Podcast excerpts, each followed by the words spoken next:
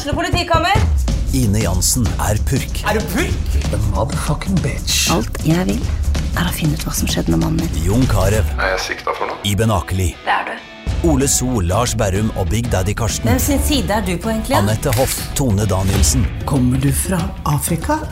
Jørnis Josef, Nesten. Kløfta. Trond Espen Seim, Det er synd å si det, men det var feil mann som døde. Purk. Premiere tirsdag på TV2 Play.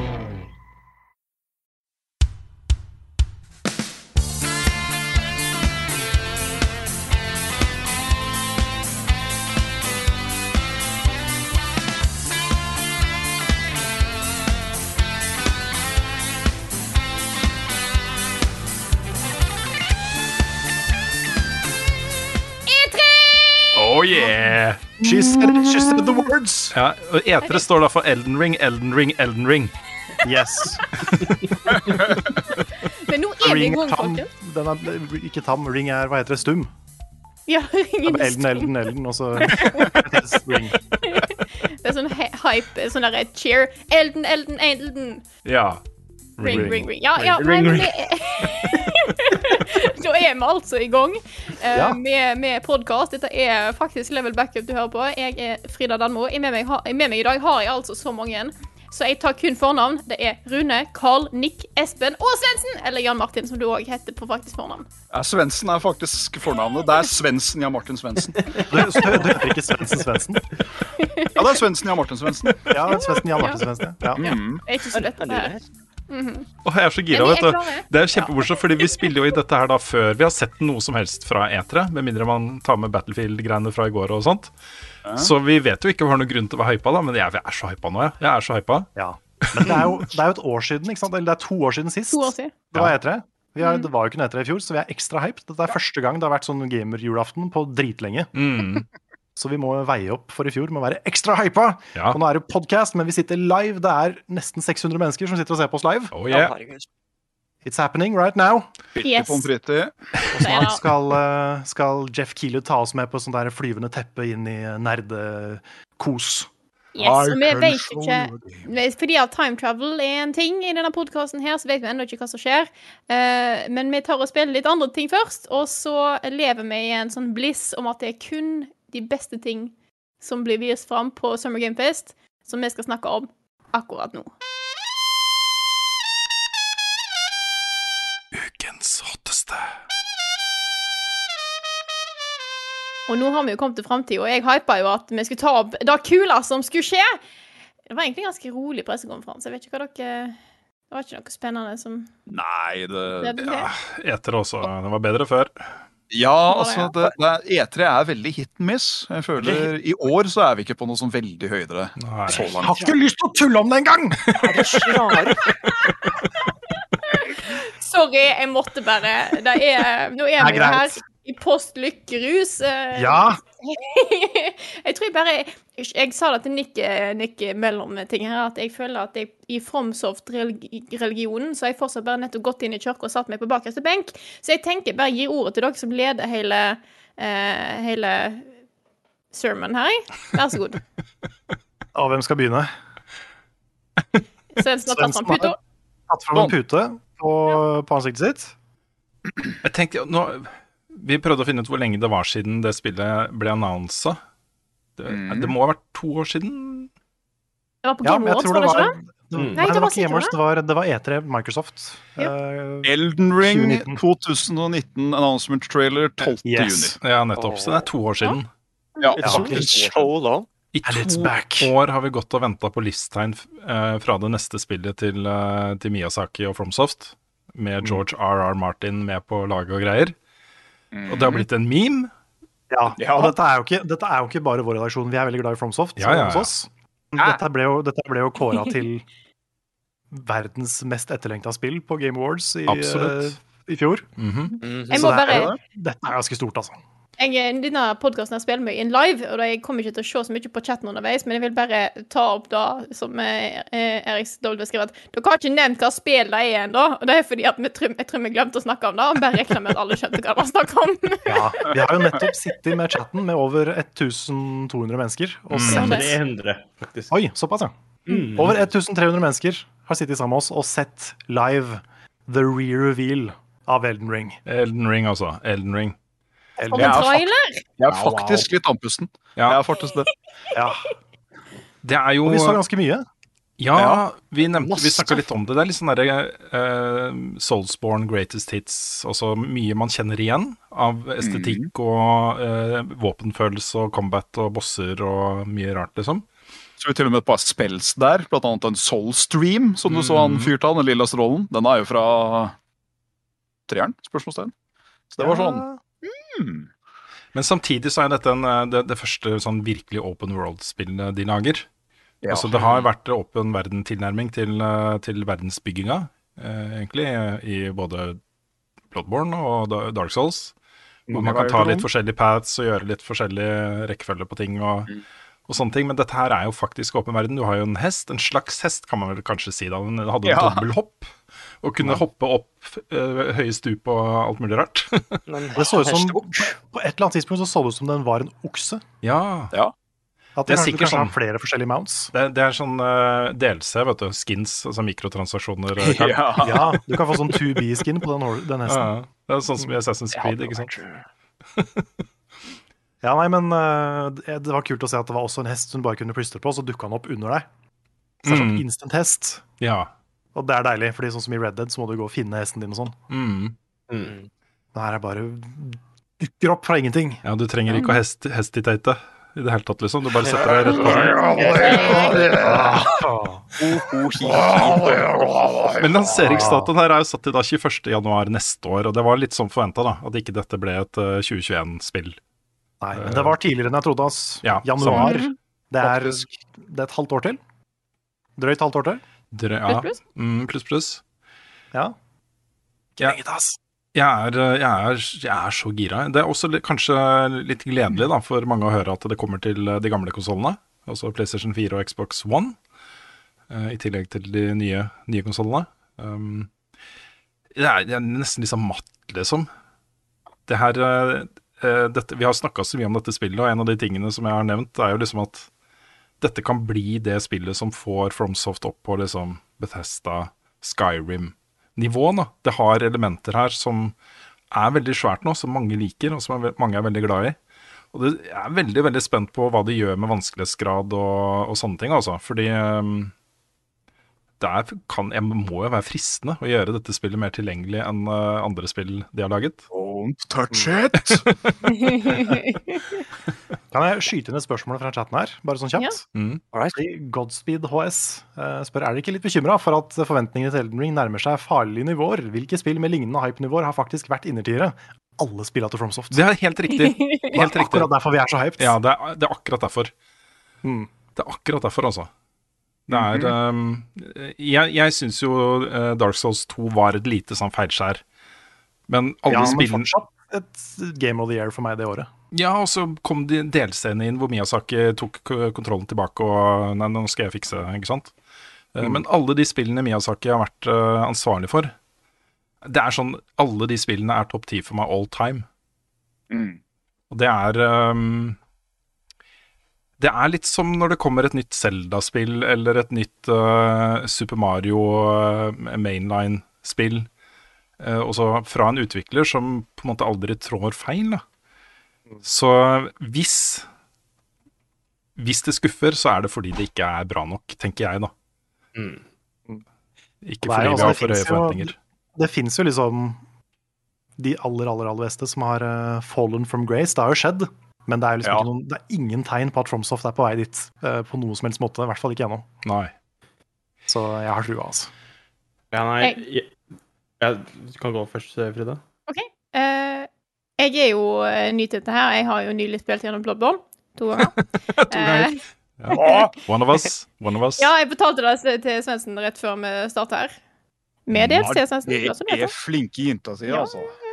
Nei, så jeg, eh, For noen podkaster siden så spurte jo deg, du meg, Karl, om jeg, eh, hvordan hype-nivået mitt var for Elden Ring etter å fullføre Bloodborne to ganger. Mm. Og da var det egentlig likt, fordi at jeg var ikke sikker på om Elden Ring ville ha en setting som jeg var like interessert i. Det er en grunn til at jeg ikke har kastet meg på Dark Souls ennå.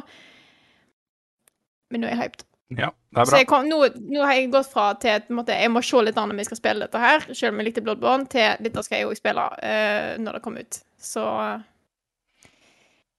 Det så jævlig bra ut. Det så så kjapt ut! Mm. Ja, for vi, vi må snakke litt om hva vi så, hva vi faktisk så her. Annet enn hesten og sånn. For det var jo masse, det var masse fiender, det var masse bosser, Mm. som hadde veldig sånn klassisk uh, Nightmare Souls slash Bloodborne-estetikk. Mm. Det var veldig bra voice acting. Mhm. Det, alt sammen føltes veldig stort og epic. Det var mye norrøn uh, litt sånn symbolikk. Og veldig Yggdrasil, det derre Ja, det treet. Det lysende treet var veldig Yggdrasil. Mm. Mange forskjellige områder. Veldig mye sånn Noe var veldig surrealistisk, noe var veldig sånn middelalder. Noe så ut som det nesten hadde passa inn i Bloodborne, så det var liksom litt av alt mulig. Mm. Combaten så ut som den hadde liksom variasjon til Souls, men kanskje hastigheten til noe som Sekiro, maybe? Ja, Ja. litt tregere Sekiro. Ja. For når du Det var en eh, Etter at du så den besteg denne veggen med, med denne mountain, så ser du at figuren du er, bare stuper. Og ikke da en sånn der charge attack som vi er kjent med fra Souls, men som virkelig fire meter hopper frem i lufta og smeller ned. Og hvis det er liksom hva man kan forvente av hva som er mulig i bare generell combat åh, Tenk på de bossene, da. Tenk, Ja. på hva det kan bli. Det er dragen som bare dro et lynnedslag fra himmelen og bare smalt i bakken. Det... Det er så mye koko, altså. Det er så deilig. Det er så deilig. Og han derre kjempesvære duden med denne herre denne bøtta på huet som bare spruta masse flammer. Det var sånn Hva i alle Ja, en som hadde masse armer på ryggen. Ja. Og en krukke som- med bein. Jeg krukker med Krukke, beina. krukke med bein. Bein, ja. Mm. Mm. Ja, det er så skikkelig berserk på de tinga der, i hvert fall på fiendedesign og sånt. Det gjør det så Men det er jo, det er jo veldig Dark Souls, syns jeg. Det er på en måte, det kunne hett Dark Souls 4 nesten, Ja. Men det er jo ikke en negativ ting i det hele tatt. Nei. Ja, ja, nei, det, det som jeg fikk tenkte med en gang, er eh, Og det er liksom litt sånn Jeg har vært veldig utenfor, eller liksom på en måte når det kommer til de spillene her, og dere har snakka mye om det. Jeg har vært litt sånn Ja, ja, OK, ja, dem, dem liker det, men jeg syns ikke det ser så interessant ut. Og er sånn helt OK, liksom. Og så ble jeg vel gifta i julegave. Tror det var Hvilket spill var det? Eh, Dark Souls et eller annet? Eh, treeren, tror Ja, jeg. Dark Jeg tror det var Ja, stemmer. Jeg ga deg Dark Souls 3. Eh, og så har jeg vært litt sånn Jeg må reinstallere Windows, orker ikke. ikke sant? Litt sånn. Og så Litt sånn matrem, med litt sånn drugs under bordet. er det på, på PlayStation så er det jo lagt inn Bloodborne allerede, som jeg egentlig har installert, og sånne ting. Så er det sånn ah, ja, OK. Og så var jeg litt sånn der Nei, det var ikke så interessant, liksom. Men jeg, jeg har tenkt mange ganger Jeg får gi det en sjanse en dag. Og så så jeg tralleren her, og så tenkte jeg sånn Fy fader, nå får jeg lyst til å liksom bare rushe gjennom alle de andre spillene. sånn at jeg liksom er klar, da. For Ja. det hadde jeg ikke trodd at jeg skulle tenke at det var så kult. Men det så så kult ut! Du er i min Og bare helt eh, vilt, liksom. Ja, Du er i den situasjonen jeg var i før Sekiro. Fordi eh, da Sekiro kom Sekiro var mitt første spill som jeg var med på fra launch. Um, da hadde jeg jo gått gjennom hele biblioteket, da, bortsett fra uh, Demon's Souls, um, på veldig kort tid. Så eh, du er litt i min, uh, den båten jeg var i der, Espen. Ja, nei, det så bare helt eh, vilt ut. Og hvis det er sånn som dere snakka om, open, litt sånn åpen også, da, da tror jeg det liksom bare er, blir dødskult. Det, Mm. Og så er det det etere nå. Sånn, ja. Det er, lov, jeg, Ja. altså, det er lov å være Nå kan vi være hypa, ikke sant? Mm. Det, det, det må være lov nå. Full hype og ingen, Yes. ingen konsekvenser, holdt jeg på å si. Jeg tror dette blir tidenes beste spill. Jeg, jeg, jeg, jeg kjenner på en sånn Jeg kjenner på en sånn oppslukt følelse, akkurat som at jeg er litt forelska. Ja. Det, er- det er liksom som at Å, ja, jeg så, jeg så Tinder-profilen din, men du stemmer jo faktisk overens til alle forventninger. Ja. Du er faktisk penere i virkeligheten. Du er, Du- me, du er ment for meg, det. ja, du vet bedre enn meg selv hva jeg egentlig vil ha. Det er liksom Miyazaki legger en sånn en, en sterk, men varsom hånd på skulderen din. Også. Dette er det du har ønska deg, gutten min. Ja. Akkurat her. Ja. Du sitter der med gråtkvalte øyne og bare Ja, Ja. pappa Miyazaki. Ja. Ja, men også, det, det ligger jo en liten fare her, da. Og det er jo åpen verden. Altså, av eh, Ja. altså Det grunnleggende med åpen verden er jo at det er åpent. Og det er vanskeligere å få til den der veldig dramatiske narrative greia som også disse spillene er kjent for. da. Ja, det, ja. Det, er, det er ikke like lett å få det til. Så, så der ligger det jo en, en liten fallgrube som, eh, som eh, jeg er veldig spent på, da. Hvordan det er løst. Jeg vil vel tippe at liksom Kall det huben, som holdt på å si, og liksom introduksjonen til steder blir det kanskje litt mer åpne. Litt mer sånn setta på hesten ri. Men så når det liksom OK, her, her er det story-elementer. Her, er det nå- her kommer det big bad. Her kommer det opposition. Da blir det kanskje litt mer peila inn. Du blir kanskje litt vist mer hvor skal gå. Jeg bare håper det ikke blir masse sånne gule ikoner og sånne pass du kan Nei, følge nei, langs bakken. Og... Nei, det, nekter jeg å tro. Det nekter jeg faktisk å tro ja. skjer. Hvis er Tenk noe men- får- hvis det er et map som du åpner, og så er det fullt av, spørsmål eh, eller nei. utropstegn Så må du jeg klatre opp i sånne høye trær for å liksom Ja, sånn synkronisere Ubisoft Towers, liksom. ja. Nå skyter jeg meg sjøl med en hammer, rett og slett. Don't do that. Men, men, Hva syns du om Elden Ring, men når du ser på liksom det første Dark Souls, da, det er jo egentlig ganske åpent. Det er bare at det er veldig tynne veier og veldig sånn kronglete Ja. stier og sånn. Men det er jo Det er egentlig sant. ganske open world. I hvert fall hvis du starter med Master Key, så er det som du kan gå fem forskjellige veier fra start. Ja. Så du kan gå Du kan du gå akkurat hva vei du vil, og så dør du alle plassene! Ja, det er det. For du kan jo gå rett mot Nito, liksom, når spillet begynner, mer eller mindre. Du Det er kan bare ikke så lurt hvis du ikke er Men du kan. Så nei, jeg tror, jeg tror de fikser open world veldig bra. Altså. De har liksom, for jeg, de har lekt med det i mange år, liksom. Mm. Mm. I have fight. Også at de kommer til å ha sånn character creation, eller, eller om de kommer til å ha en hovedperson som Nei, det er Mm. character creation Okay. all the way. Ja. Det blir sikkert mange av de samme erketypene vi kjenner fra tidligere. De er jo ganske etablerte. Men hvor du da kan fokusere på strength, eller fokusere på magi, eller fokusere på eh, dexterity og kjappe våpen, eller altså du velger en retning, da. Hva, hva heter de som har lagd uh, Demon's Souls-remaken igjen? Bluepoint? Bluepoint, ja. Bluepoint, ja. ja. De kan godt stjele character creatoren fra dem. ja. Den var ikke dum, altså. Ja, det var, Nei, den var ikke sånn, den var ikke avansert, men du kunne lage noe ganske pretty og ridiculous folk der. Jo, jo, men Som jeg lagde ikke så ut som en rød tomat. Ja, men jeg lagde jo meg selv. Jeg, jeg elsker character ja, creator, hvor du kan lage Ja, karakterer som ligner på en Ja. selv. Det er nettopp det. Og hvis du det, letteste, det letteste å lage character creatoren til Demon's Souls er vel Kanye West, er det ikke det? Jeg har sett så mange Kanye West i den eh, creatoren. I love fishlix. Yes. Uh, fun fact fra Dunkel Ben her. Ser tidligere taleskriver for Obama skriver om Elden Ring på Twitter. The Ja, hype is real. Wow. Vi gir oss ikke før Obama gjør det, men uh, det er en Nei. god start. God start. Mm. Sant. Mr. Smooth kommer inn nå. My fellow Americans. Ja. Jeg har lyst til å se en stream av Elden Ring fra kong Harald. Ja. Erna Erna spiller Elden Ring. du er jo fan. ja, ja. And every other fantastical personality. ja. Det er bare reaksjonen til Jeff. Det er et sånt ikonisk Ja. øyeblikk. Fordi han liksom Han har alltid vært fri. ja, han, han, han hadde et manus gjennom hele greia. Men Ja. da var det så gøy til slutt så bare Guys, it's the one. Ja da. Nå kommer det. jo personlig skylda for at ingen har sett Elden Ring. Ja. Du kunne, du kunne liksom se at den, den profesjonelle siden bare Ja. Den forsvant med en gang. Bare Nå, nå skjer det, dere.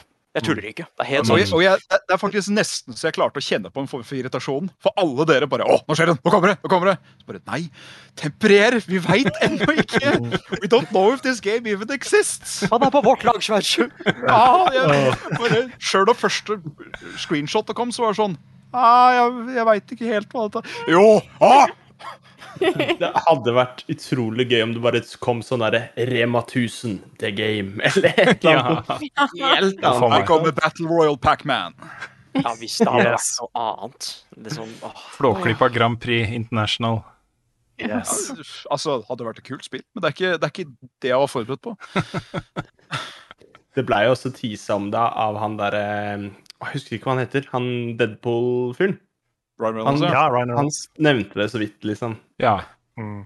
Ja, det, det, var, men ja, det var en litt morsom uh, exchange, eh, det der. For han sa jo at uh, han hadde jo hovedrollen av Elden Ring. Han skulle annonse det, liksom. Så ha-ha, bare tulla. Yeah. Og da han var tilbake, så, så sa jo eh, Jeff Keeley sa jo, ja, du, du kan snakke om det, jeg har ikke lov til det ennå, sa han. Nei, stemmer. Ja. Det, var, det var ganske mange hint, da. Det Ja, var det var ganske det. åpenbart at det kom til å være oh. noe Elden Ring her. Mm. Egentlig. Det bare Vi turte ikke 100 å håpe, ikke sant? I hvert fall jeg turte ikke 100% Noen Jo, da gjorde gjorde dere på forhånd. Dere, to, Ja. dere har jo snakka Ja, ja, ja. om at dette her Ja, altså, jeg, jeg trodde det, men jeg turte ikke 100 å vite, okay. vite at det kom. Ja, okay, Fordi da hadde jeg vært litt lei meg. Vet du hva, jeg, hadde mine iskalde, men kinna mine brenner opp. jeg hadde en litt sånn morsom uh, tanke, da. Det var ikke en plan, det var ikke en plan, men jeg tenkte det hadde vært så morsomt hvis jeg hadde liksom Uten at noen visste, da, tatovert Elden Ring-logoen på brystet. Så i det øyeblikket jeg satt på en stream og det ble vist fram, så bare river jeg av meg skjorta. Ja, ja. Ja. Eller- Så har de redesigna logoen. Det er mange problemer med det. Det ja, det ene pro største problemet det er at da hadde jeg blitt skilt.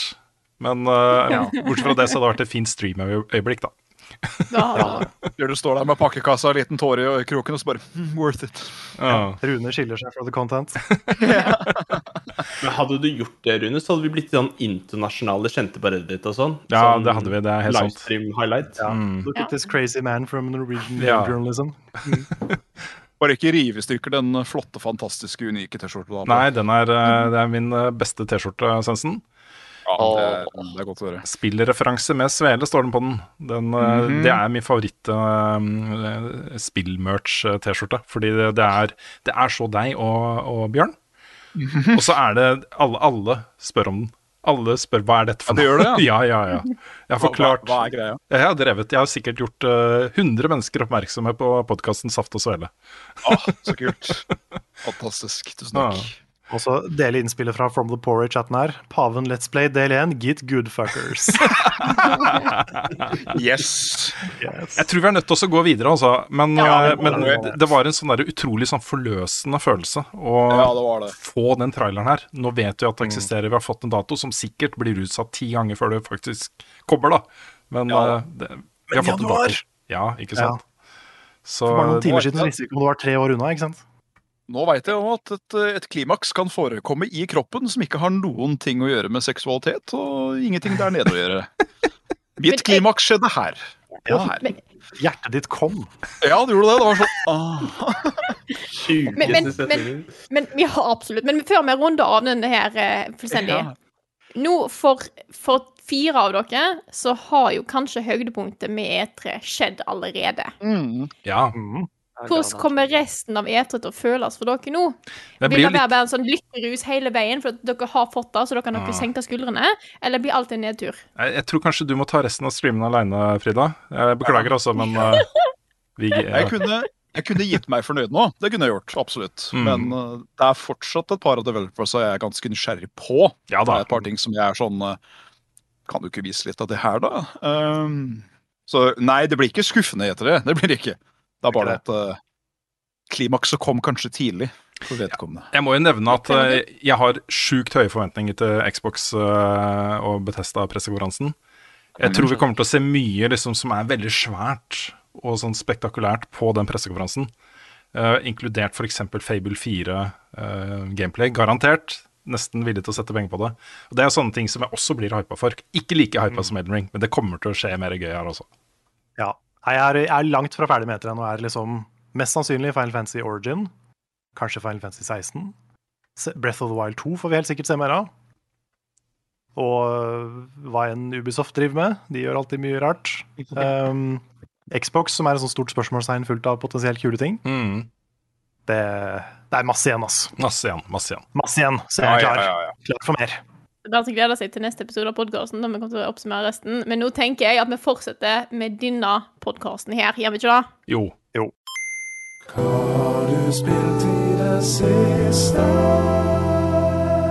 Og nå skal jeg og Rune snakke litt om noe vi ikke har kunnet snakke om eh, tidligere episoder, men som vi har hinta litt om.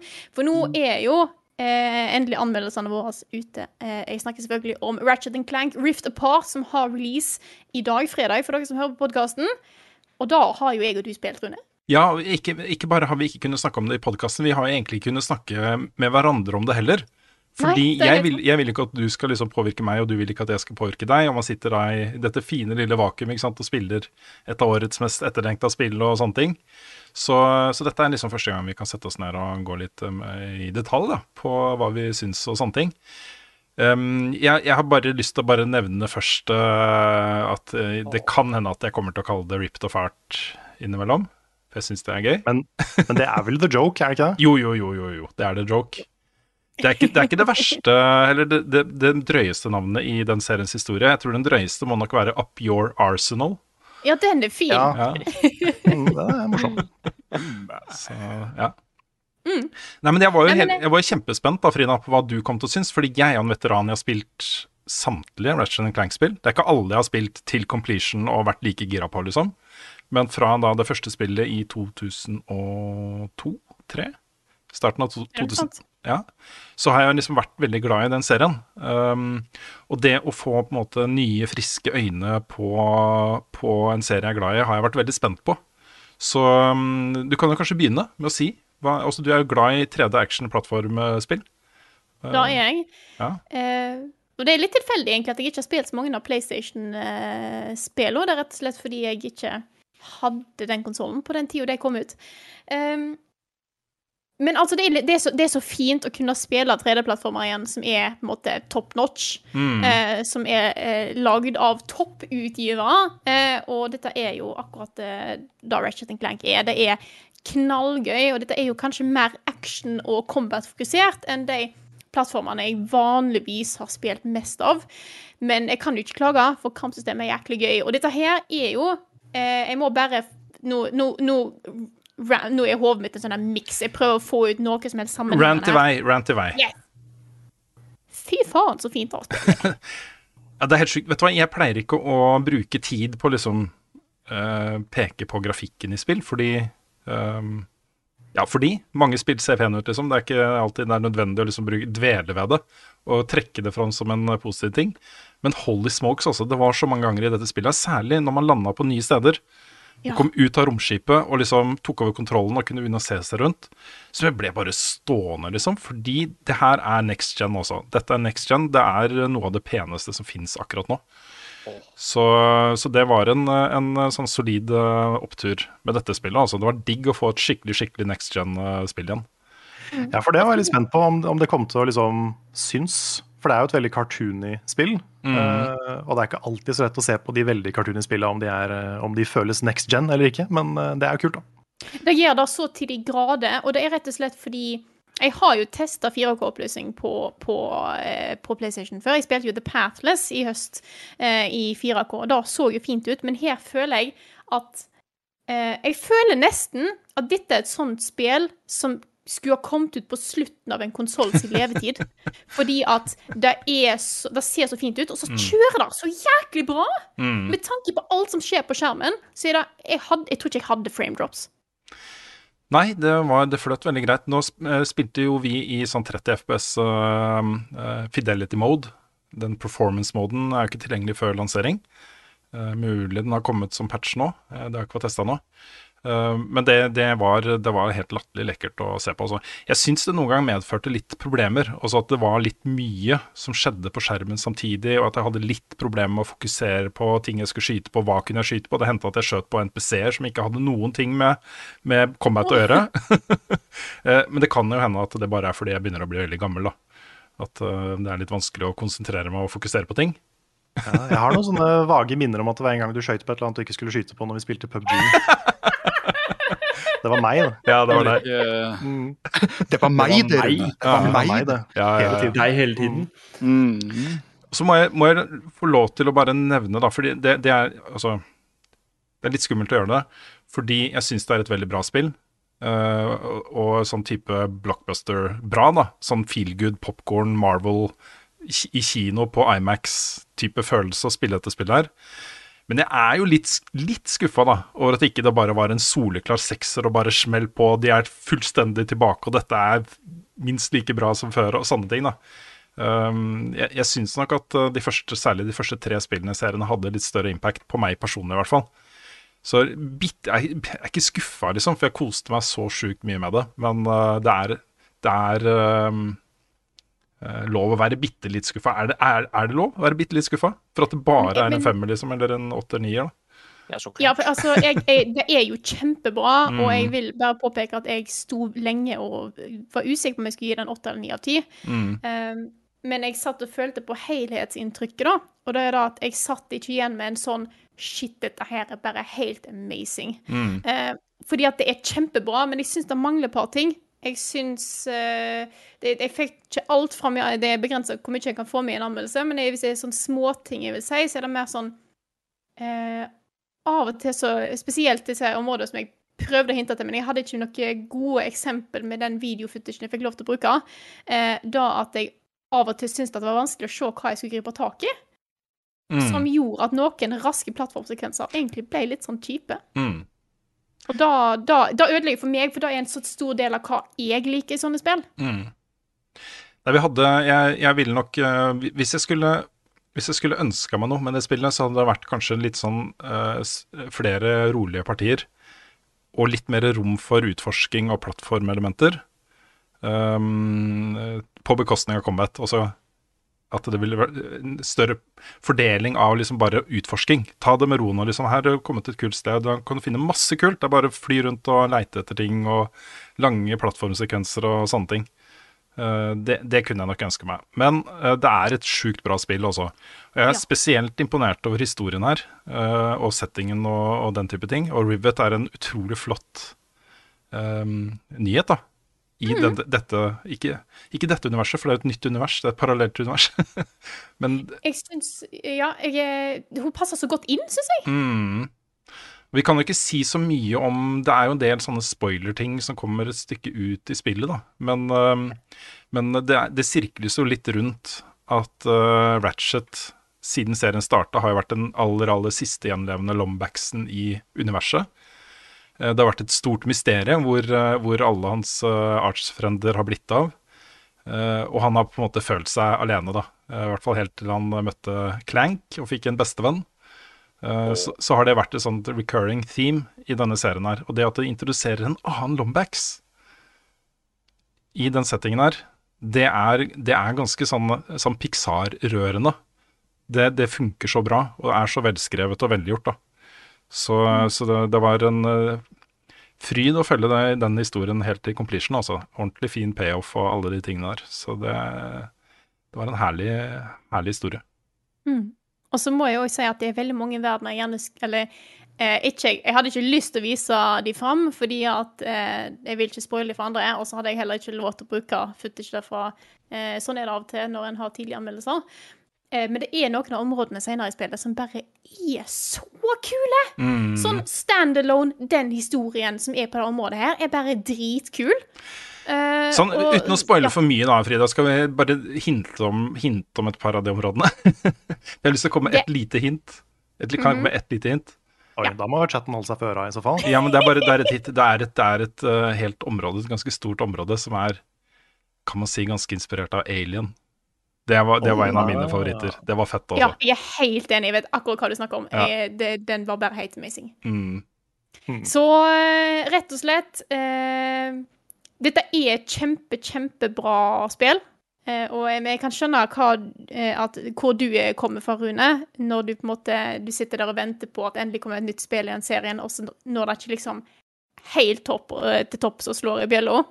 Eh, men for meg som er ny i serien, så må jeg si at jeg syns det er kjempebra, og jeg har eh, kost meg masse. Så Mm. da er på en måte den den introduksjonen Den på en måte retningen inn å se det på, da. Eh, vil jeg si, da. Så eh, selv, hvis du har spilt det, eller spilt Ratchet Clank, eller ikke har spilt Ratchet Clank før, så er dette her et knallbra spill, altså. Og dette er eh, kun på PlayStation 5, eh, og tar all krafta som PlayStation 5-en har, og bruker det til noe bra, altså. Mm. Jeg hadde en liten diskusjon på Twitter med Benjamin fra VGTV eh, om, eh, om eh, dette spillet her, og at det bare er tilgjengelig på PlayStation 5. Eh, det er jo leveringsproblemer av den konsollen her, og det er mange mange flere som har lyst på en PlayStation 5 enn som har fått tak i en PlayStation 5. Det er mange i chatten her som sørger, ser jeg. Ja, og det er liksom Jeg, jeg skjønner så sjukt godt da at de, de som da har prøvd, kanskje stått på venteliste nå et år for å få tak i en PlayStation 5, blir ganske sure når det kommer eksklusive PlayStation 5-spill. Um, jeg tror nok ikke Sony hadde, var i nærheten av å tro at det kom til å bli den type leveringsproblemer. Men man ser jo nå da at de har begynt å ta grep. Det var for seint for, uh, for dette spillet. Men uh, de har jo nettopp gått ut og sagt at uh, det nye God of War-spillet uh, kommer også på PlayStation 4.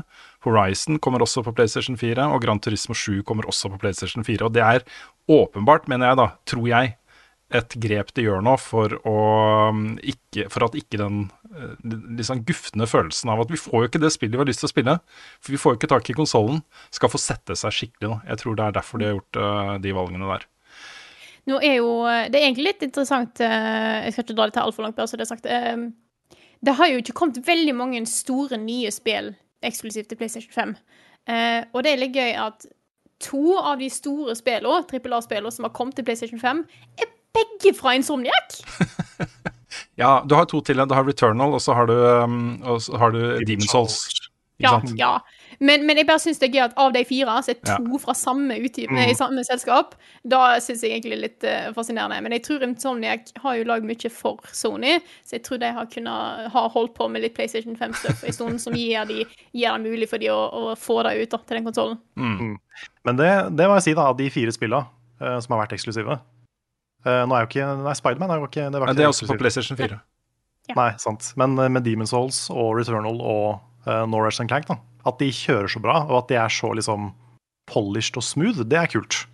For det, det er jo ofte sånn det ikke er i starten av en konsollgenerasjon. Det er mye bugs og mye sånn Mm. utviklere som lærer seg å bruke konsollen og sånn. Men uh, nå er det liksom ganske bra fra starten av. Det er en god, et godt tegn.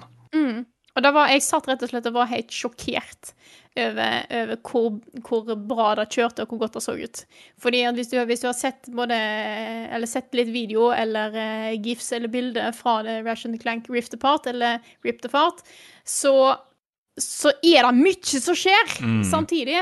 Men det ser aldri ut til å gå ut over ytelsen mens jeg var på eh, Fidelity og hadde 30 EPS. Jeg skrudde ned litt motion blur. Jeg syns det ble litt mye.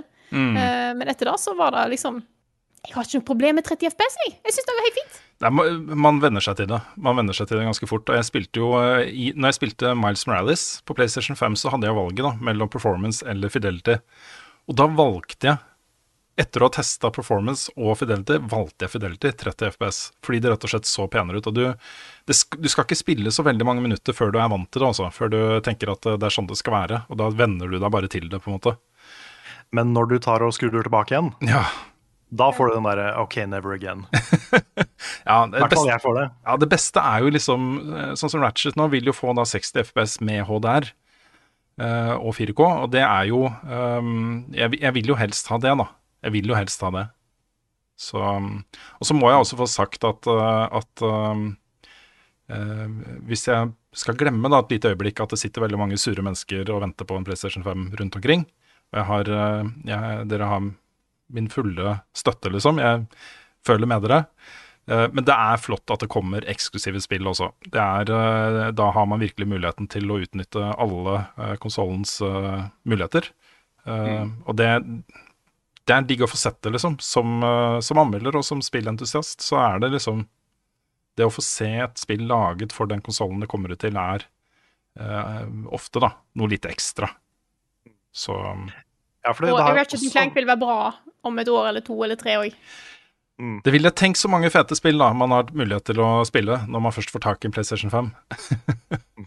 så Men det har jo også vært en backlash på det at uh, spill har kommet ut, og skal komme ut til PlayStation 4. Men når det, kom, når det kommer til det, så tror jeg at liksom de spillene, eller den generasjonen her er ganske lett å nedskalere. Mm. Så jeg tror ikke det blir noe problem for de som er liksom sure for det. Jeg tror det, liksom, det er lett å gjøre et PlayStation 5-spill til et PlayStation 4-spill ved å skru av noen få eh, fancy lysting og partikkeleffekter og sånn. Absolutt. Jeg tror ikke det er liksom verdens eh, største problem. Mm. Yes. Jeg tror jeg, eh, jeg har sagt det jeg ville om spillet nå. Ja, du hadde en flott anmeldelse også, så hvis du vil vite mer om hva Frida har syntes, så, så er det en anmeldelse av det ute på kanalen vår, og min ligger på, på NRK. Jeg har en ting jeg har lyst til å snakke om før jeg gir ordet til deg, Karl. Bare nevne Yes. kjapt i hvert fall. Jeg skal poste en link nå i chatten til de som sitter og ser på live. OK. Um, og Ja. for de som har fulgt med da i, i podkasten vår, så dukka det opp et lite ønske fra Nick om å spille Walt of Glass-raidet i Destiny 2, men han hadde jo ingen karakterer da, som var i nærheten av å kunne spille Walt of Glass. Så tilbød jeg meg da å hjelpe, hjelpe Nick. Så vi hadde noen runder fram og tilbake. og jeg endte opp med Jeg har lånt da brukeren til Nick på Steam. Og så har jeg fått uh, den gule Titan hans opp fra da 1100 til uh, rundt uh, 1270 nå. Jesus Christ. Såpass, ja. Så ja, det er, det er så kos også å fly rundt der som Nick. Og så vente hele tiden på at noen skal kjenne igjen Nick, da. Og kanskje, kanskje er litt stressa på at jeg skal liksom snubbe bestevennene dine og sånne ting. Ved at bare de er sånn Shit! Nick er her! Jeg har ikke sett Nick her på lenge, liksom! Og kommer og liksom vinker og sånt. Og så er jeg bare sånn nala Yes. Imposter. Fordi jeg ser på meg at når jeg får tilbake hun der tight nå, at det, det er bare et helt annet liv der nå. Ja, ja, ja. Plutselig fått familie og barn og bare hva er det som har skjedd, liksom? Nei, men jeg, igjen, jeg, jeg, jeg håper du har hatt det gøy. Du, det er kjempeartig, og så syns jeg det er så kult, fordi man kan jo gjøre om eh, armor til ornaments nå. Så den armoren du hadde på da jeg overtok karakteren din, har jeg bare gjort opp til ornaments, da, så jeg brukte de der synt-greiene man eh, bruker der, til det. Så hver gang jeg får armor som er bedre, istedenfor å liksom eh, infuse og sånt, så bare setter jeg på det gamle ornamentet, og så legger jeg på den gule shaderen din, og så er jeg fortsatt Nick, liksom. Det er en kjempekul følelse, altså. Det er ordentlig kult. så Det er kult. Ja. Ja. Ja, og, den, den der, og den traileren den var så kul. Og bare vent et lite øyeblikk, dette stedet Vent litt! Ja. Jeg kjenner igjen den døra der. Er det, er det faktisk time? Ja, ja, det bare tok karakteren din ned i starten av raidet, liksom. Det var uh, litt morsomt. Du vet, sånn, sånn dette her, Rune, det er sånn som de tar penger for i World of Warcraft. Ja, i oh, Destiny ja. også. Jeg kjenner Ja, flere. Det er flere faktisk eh, kjenner personlig som, eh, som tar betalt for å både levele og kjøre folk til Lighthouse og alt mulig rart i Destiny. Jeg har gjort det i WoW. Mm, du har det, ja? Ja, ja, ja. Hvor mye tjente du på det, Svendsen? Nei, jeg tok ikke så voldsomt betalt. Uh, det var jo andre expansion backen, da, så det var fra 0 til 80. Uh, og det var det var det jeg tilbød å powerlevele. Da gjorde jeg det på to dager, og fikk jeg en tusenlapp for det. Ja. Ha. Nei, det er ikke, det er ikke godt time... Ja, det er ikke godt Nei, Nei, det er ikke. Men eh, jeg var på et LAN, da, så det var liksom Gi meg cash og noe energidrikk og betal for billetten min, så liksom uh... Ja. det, det var en god deal. Så jeg kan vips, altså, Rudi. Jeg kan. Nei, men vet du hva, det, det, som jeg synes, det som, som jeg digger mest da, med å levele andres karakterer, for jeg har uh, drevet og levela litt uh, Destiny-karakterer for ungene også, i et håp da, om at de skal bli så gira på spillet at de har lyst til å raide med meg, men det har jeg ikke klart å få til helt ennå. Så jeg er litt sånn, jeg føler jeg feila litt som far. Men, men det, det som er gøy da, med å levele andres karakterer, er at når du får et bra våpen eller armor piece med en god roll, så blir jeg så glad på Nick sine vegne.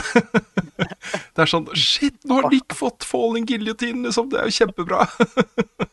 Det er gøy hvis du da ringer Nick, og så bare Hæ? Ja. er det bra? Det, det er sikkert kult. Det er så holdsom. ja.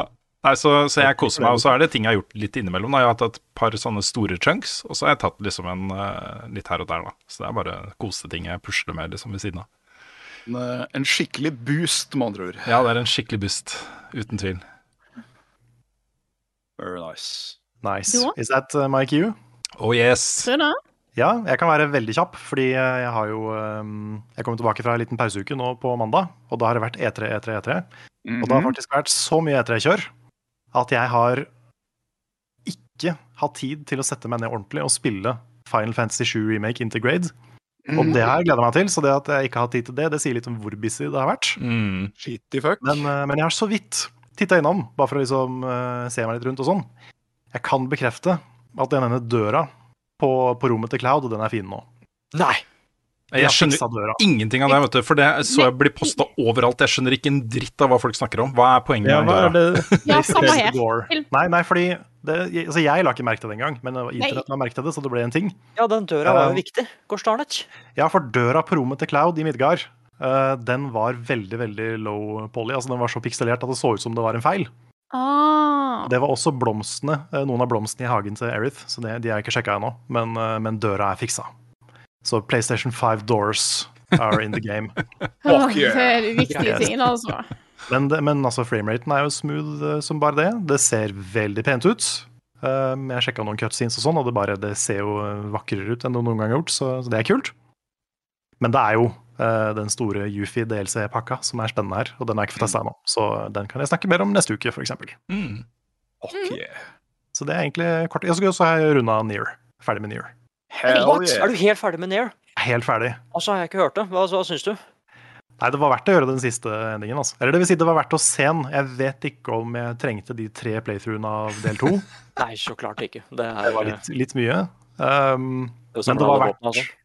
Ja, alle våpna og sånn òg. Det, var sånn, det var OK, men, men det at du må spille det samme liksom, tre ganger, det var litt, litt tungvint. Men slutten! Men slutten var kul. Jeg syns det var en veldig veldig fin måte å avslutte det spillet på. Ja. Og jeg hadde nok blitt litt skuffa hvis jeg bare hadde fått den originale ending D, da, som er liksom den siste slutten. Ja. Men jeg syns den nye slutten den satte liksom fint punktum på hele spillet. Ja, Og, her um, Her har jeg den sittet i sånn åtte år, ikke sant? Og bare venta. Ja, du har, har ikke fått den, ikke sant? Nei, venta på en slutt til. Så jeg fikk jo den med en gang, bortskjemt som jeg er. Så, så det, det var kult. Det syns jeg var en um, Det er jo et ganske trist og dystert spill, men det var noe liksom fint og liksom oppløftende med den siste, syns jeg. Mm. Så det var, eh, var bra. Jeg likte likte Nier veldig godt. Jeg skjønner nå liksom hvorfor det er en eh, cult classic. Yeah. Yeah. Så nå har jeg spilt både Nier og Automata, nå føler jeg at nå, nå har jeg lært litt mer om det universet der. Nå skal vi sjøl meg skaffe deg Drakengard òg, ass. Jeg veit ikke åssen, men vi må, vi må få til Ja, nei, jeg har hørt at det er dritkjedelig å spille, da. Men uh... Ja, jeg skal ikke ljuge. Det, det er litt uh, Den historien, da. Ja, ja, jeg er litt interessert i historien. Så jeg den er får, helt bananas. ja, kanskje de lager en remake av det? Ja, det er det. Åh, ikke tenk, tenk hvis det dukker opp på E3 nå! Mhm. Åh, det hadde vært Guard. Mm. Ja. Elden Guard. Elden Guard. Egentlig så er, egentlig så er Elden Ring en remake av Breaking Guard. Elden Guard. Vi har litt Elden Ring på hjernen i dag, tror jeg. altså. Jeg har, jeg har tenkt på, vet du hva. Fra det øyeblikket jeg våkna i dag tidlig, så har jeg tenkt på Elden Ring. Nå vet vi ikke om det har kommet Elden Ring da, eh, nå, eh, men det har, vi har jo snakka om det tidligere i podkasten. Så da vet Ja, dere det hva er jeg syns sånn om vi det. kommer til å dele opp. Ja, Mm. ikke sant. Ja, nei, men, øh, men jeg kan, øh, kan egentlig da øh, takke for meg, for det er ikke så mye mer jeg har tid til å spille. Men kommer sterkere tilbake neste uke, tenker jeg.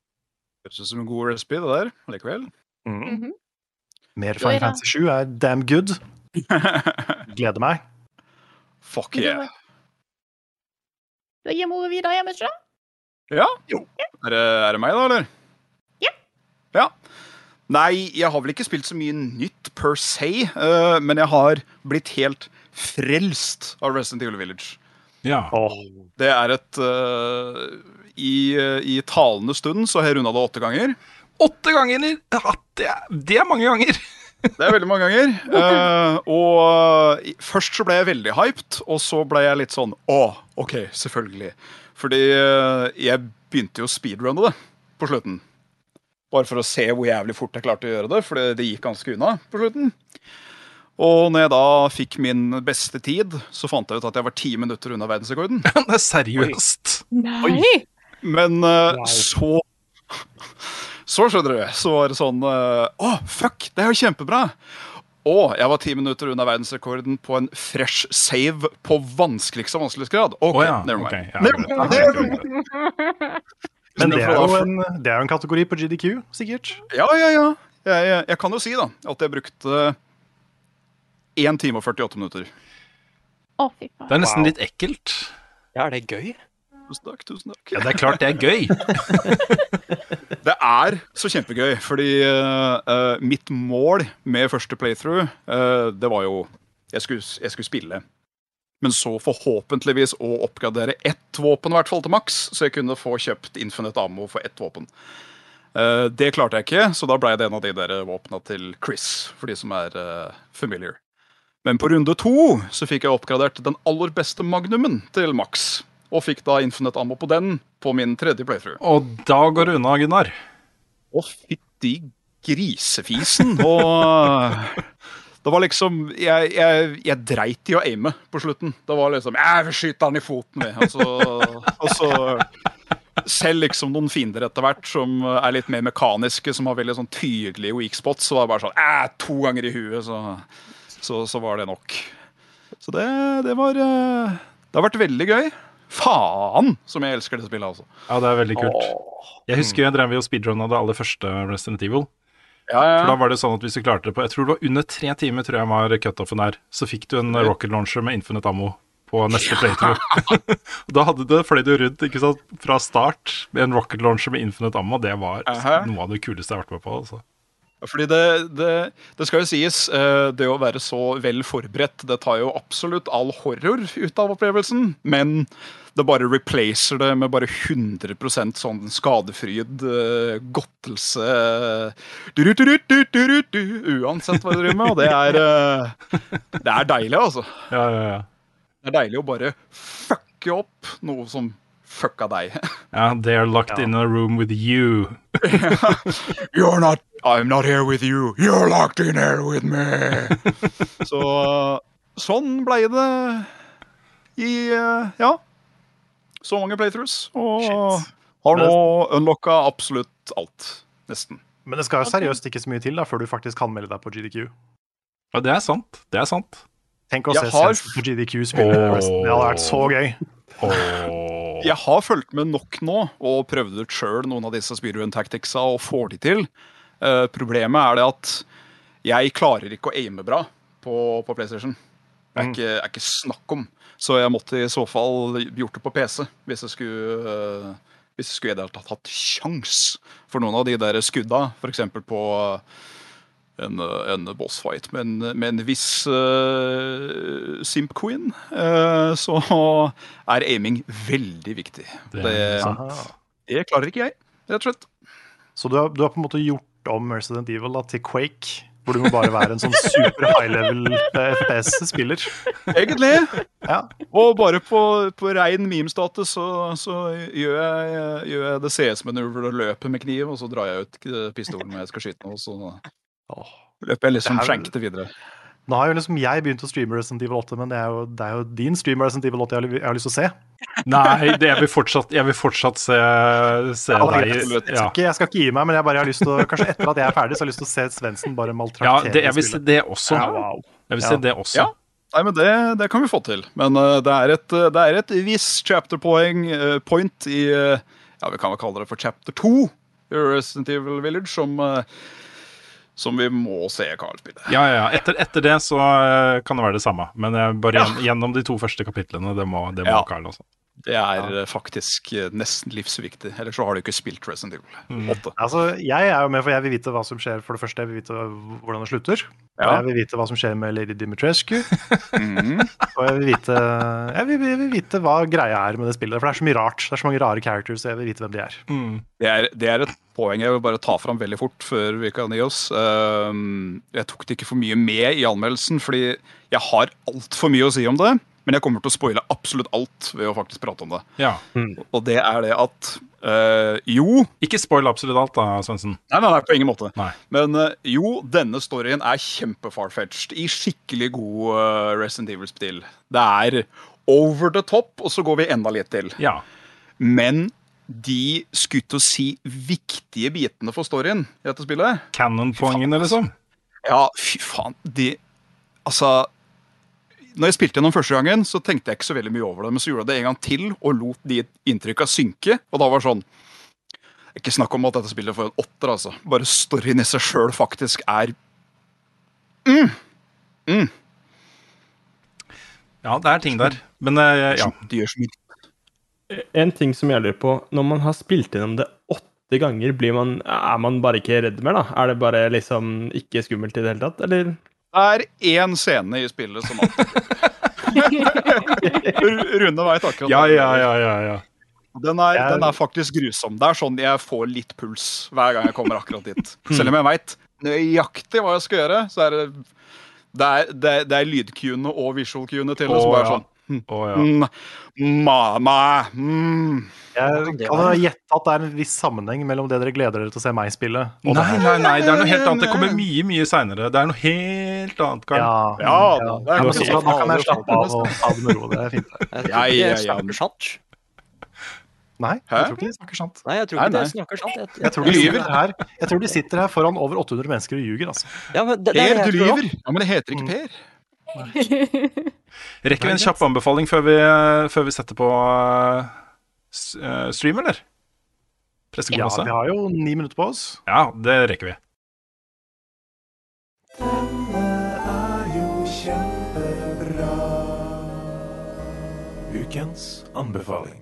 Det er jo litt vanskelig å anbefale noe som har uh, bare kommet ut med én episode av uh, Det er sikkert ti, da, eller tolv, eller, eller noe sånt. Men stykker.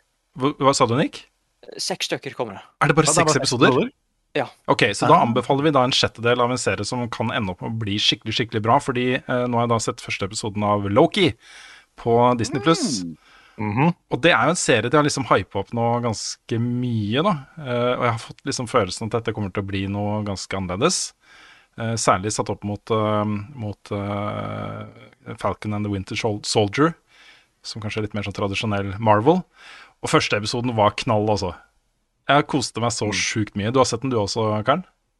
Det har jeg. Jeg var jo litt uh, nysgjerrig på forhånd om eh, de kom til å klare å på en måte kapre den der, for folk er jo veldig glad i den karakteren, Loki. Men det er jo noen sånn eh, time shenanigans på gang her. Oh, Det er ikke en spoiler, spoiler å si det. Så det er jo noe av liksom, den utviklinga som han har hatt de siste filmene, som han ikke har hatt ennå her. Mm. Eh, og det var jeg litt spent på, fordi jeg ble mye mer glad i Loki etter at han hadde den utviklinga, på en Mm. måte. Ja, han, eh, Så- ja det, nå det midt i spoilerterror. Jeg holdt på å si hva som skjer i første Ja, ja, episoden. akkurat det. For det var veldig flotte scener, da. Ja, ja, fordi jeg syns de har løst det på en ganske smart måte. Mm. Og nå har jeg liksom troa på at de kommer til å ta karakteren litt i den retningen som jeg liker, da. Mm. Og utforske liksom litt den der eh, Ikke helt bad guy, men bad guy, men det er noe mer der. Ja, greia. ikke sant? Den er litt sånn spennende. Ja. Det, det er mange herlige reveals da, i den første episoden, og den starter jo på en måte historien eh, i denne serien starter jo i det øyeblikket, for de som har sett eh, Endgame, starter jo i det øyeblikket hvor Loki plutselig uh, Han er jo arrestert og skal bli sendt i fengsel i Asgard og greier. Og så blir den der Tesseracten kommer jo rundt foten hans, og så plukker han opp, og så boff, så forsvinner han. Så der starter på en måte TV-serien, da. Um, jeg, jeg leste at, uh, at uh, før det begynte innspilling og, og manusarbeidet med den serien her, så satt uh, Tom Hiddleston seg ned med alle writers, altså de som skulle skrive manuset, og hadde en seks timer lang symposium hvor han gikk gjennom rollefiguren Loki og, og sånne ting. da. Det, Det, det merkes så godt at han går inn i den rollen her med hud og hår og uh, tilfører sjukt mye da, uh, arbeid i å få den til å være en god rollefigur. Men er ikke han kreditert som noen sånn executive producer? Kanskje ikke akkurat det, men et eller annet sånt? Jo, det, ofte så er jo skuespillerne det. Av og til så er det bare fordi de har vært med å finansiere det, eller skaffa, ordna et møte med noen som har vært med å finansiere det, eller et eller annet. da. Eh, Det Ja, kan ok. bli, Executive producer betyr alt, liksom. Men, eh, men akkurat den biten her, at han som har vært liksom konsulenten til uh, writers da, på rollefiguren Loki, og uh, motivasjonene til Loki og sånne ting, åpenbart en utvida, et utvida ansvarsområde han har hatt her også. Ja. Jeg kom til å tenke på en ting. Er det rart at vi kaller de for Thor og Loki? Ja, ja, ja, ja, ja, ja. Jeg tenker på det hele tiden, Karl. ja fordi, for jeg tenker liksom Men det er jo fordi det er Marvel-versjonen av de. Ja, det er Fordi helt vi hadde, sant. jeg hadde jo sagt Thor og Loki hvis det var snakk om liksom, Mm. de mytologiske uh, karakterene, men dette er liksom noe annet. Mm. Føler, derfor så føler jeg det er greit å si Thor og Loki akkurat i Marvel. Jeg syns det, det, er også. Loki. Ja. Ja. Loki. Loki, Loki. Thor og Loki. Loki Så var det kult å se han var det Clive Owen Nei, Owen, Owen Hva heter han andre? Owen, Owen Wilson. Owen Wilson i, eh, i en eh, rolle igjen. Det er lenge siden jeg har sett han i noe. Han har sikkert vært Jøss, masse er han med? Ja, ja, Han er med. Wilson. Så, så det, var, eh, det var kult. Wow. Wow. Wow. Han har ikke, jeg tror ikke han har sagt det en eneste gang. Nei, han sa, bare en, han sa bare en stille wow, og det teller ikke. Ja, det gjorde han, ja, kanskje. Ja, sånn. Wow. Ja, ja, nettopp. Ja, Det, var, det har de sikkert hatt det gøy med. Mm. Og så syns Han har jeg helt det sikkert en take hvor han sier wow. Ja. Og så det her blir det her er sånn nerding som egentlig ikke hører hjemme noe sted. Ikke i den podkasten her, eller i samtale med noen, da, med mindre du er en grafisk designer.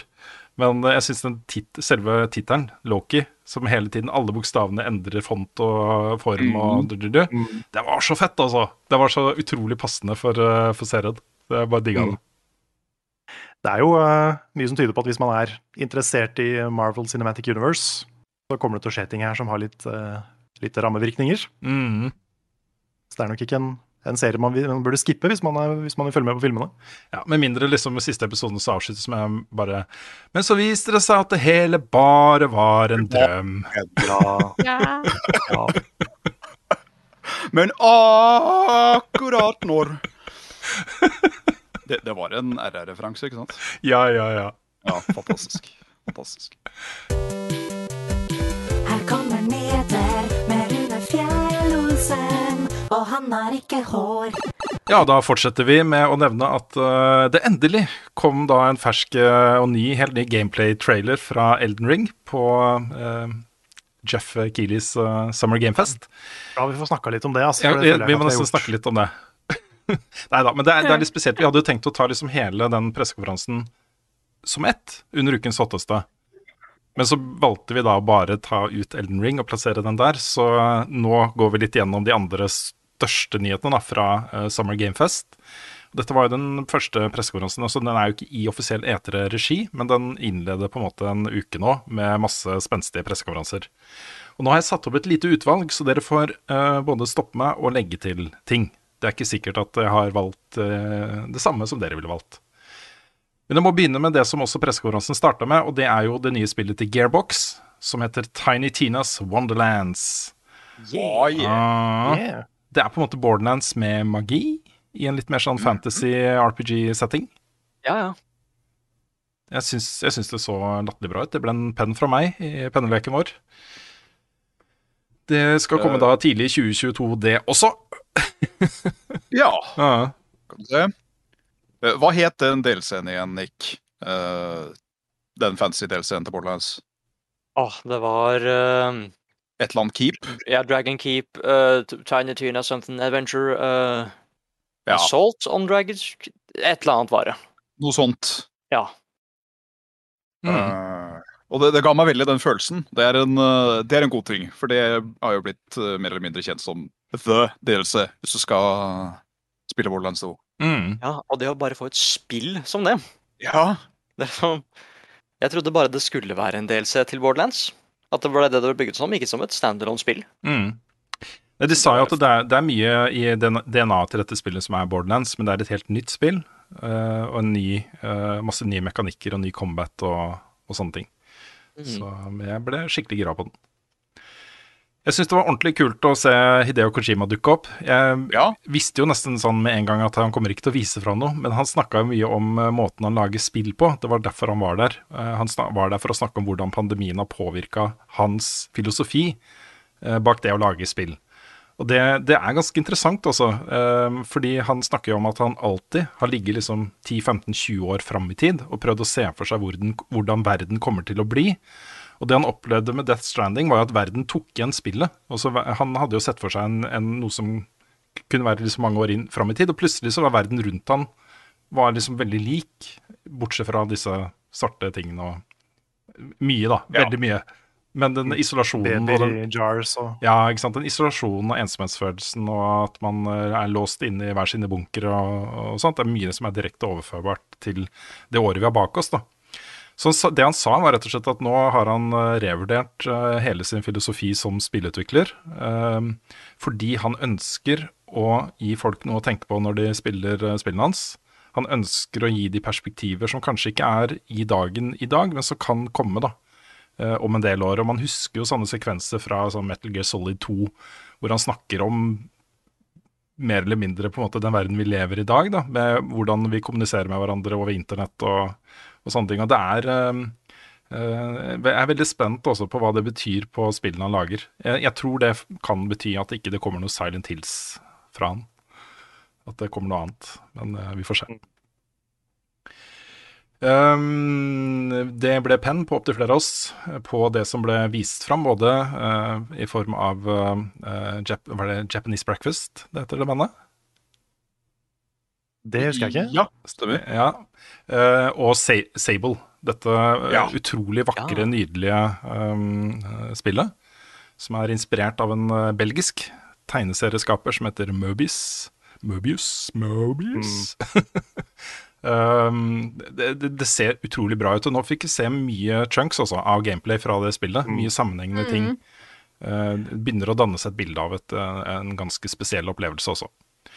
Ja, veldig sånn Breath of the Wild-stil på det. Mm. Kanskje mer sånn blanding av Breath of the Wild og Journey, nesten. Ja. Mm. Ja, det var en fin måte å sitte på. Der har vi jo norsk eh, involvering.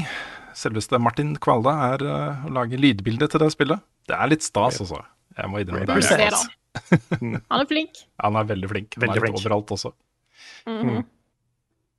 Jeg glemte jo å nevne at eh, det kommer en Death Stranding Directors Cut. Jeg syns det er litt funny også. Fordi Death Stranding virker jo som om det, det er på en måte Directors Cut. At det eksisterer et annet spill, men her, ok, dette er det spillet han egentlig hadde lyst til å lage. Sånn er allerede? Death Stranding. Ja. Så Ja, det, det fins ikke så mye, mye mer Directors Game enn uh, Death Nei. Stranding, nei. det gjør ikke Ja, fordi hva, I det tilfellet her, hva vil det si? Ja, hva vil det si? Nei, hva, er det du skal legge til, hva skal du legge til i Death Stranding, liksom? Ja. Det er jo allerede for langt. Og Kojima er jo liksom viden kjent for å lage sånn teasere som ikke har noe som helst med spillet å gjøre. Da. Her, var det jo, her var det jo en sånn Metal Gear Solid-lignende lagerrom med vakter som patruljerte etter fastbestemte ruter og sånne ting. Han sto der med pappeske som han ja, Hva skal jeg gjøre med den? Han gikk oppi den og snudde rundt og var veldig sånn teasa på et eller annet Metal Gear crossover, da. Det kommer jo ikke til å være noe av de faktiske spillene, sannsynligvis. Nei. Så, men uh, vi får se. Kanskje, det, kanskje han har introdusert et stealth-element. Det kan hende. Mm. Vi ble også veldig gira på at, eh, at det er vel Jeg vet ikke hvor det er laget, men det er i hvert fall ute i Korea. Uh, Lost Ark. Et uh, Ja. digert MMO-spill. Nå kommer til en Vesten. penflakse for meg. Mm. Mm. Det Var det var som jo- altså på Diablo, var det det? Ja, det, er- dette blir jo liksom massive multiplayer Diablo. Og det Ja. tror jeg har potensial, altså. Jeg har sett noe klipp før fra liksom skikkelig raid boss battles. Det er jo eh, naval warfare i spillet òg, blant annet. Oi. Uh, så det er, noen, det er noen elementer her altså, som jeg tror kan bli ganske kule som en, eh, et helt pakket. Mm. Ja, jeg kommenterte jo at uh, kan det kan hende at dette blir mitt første MMO-RPG.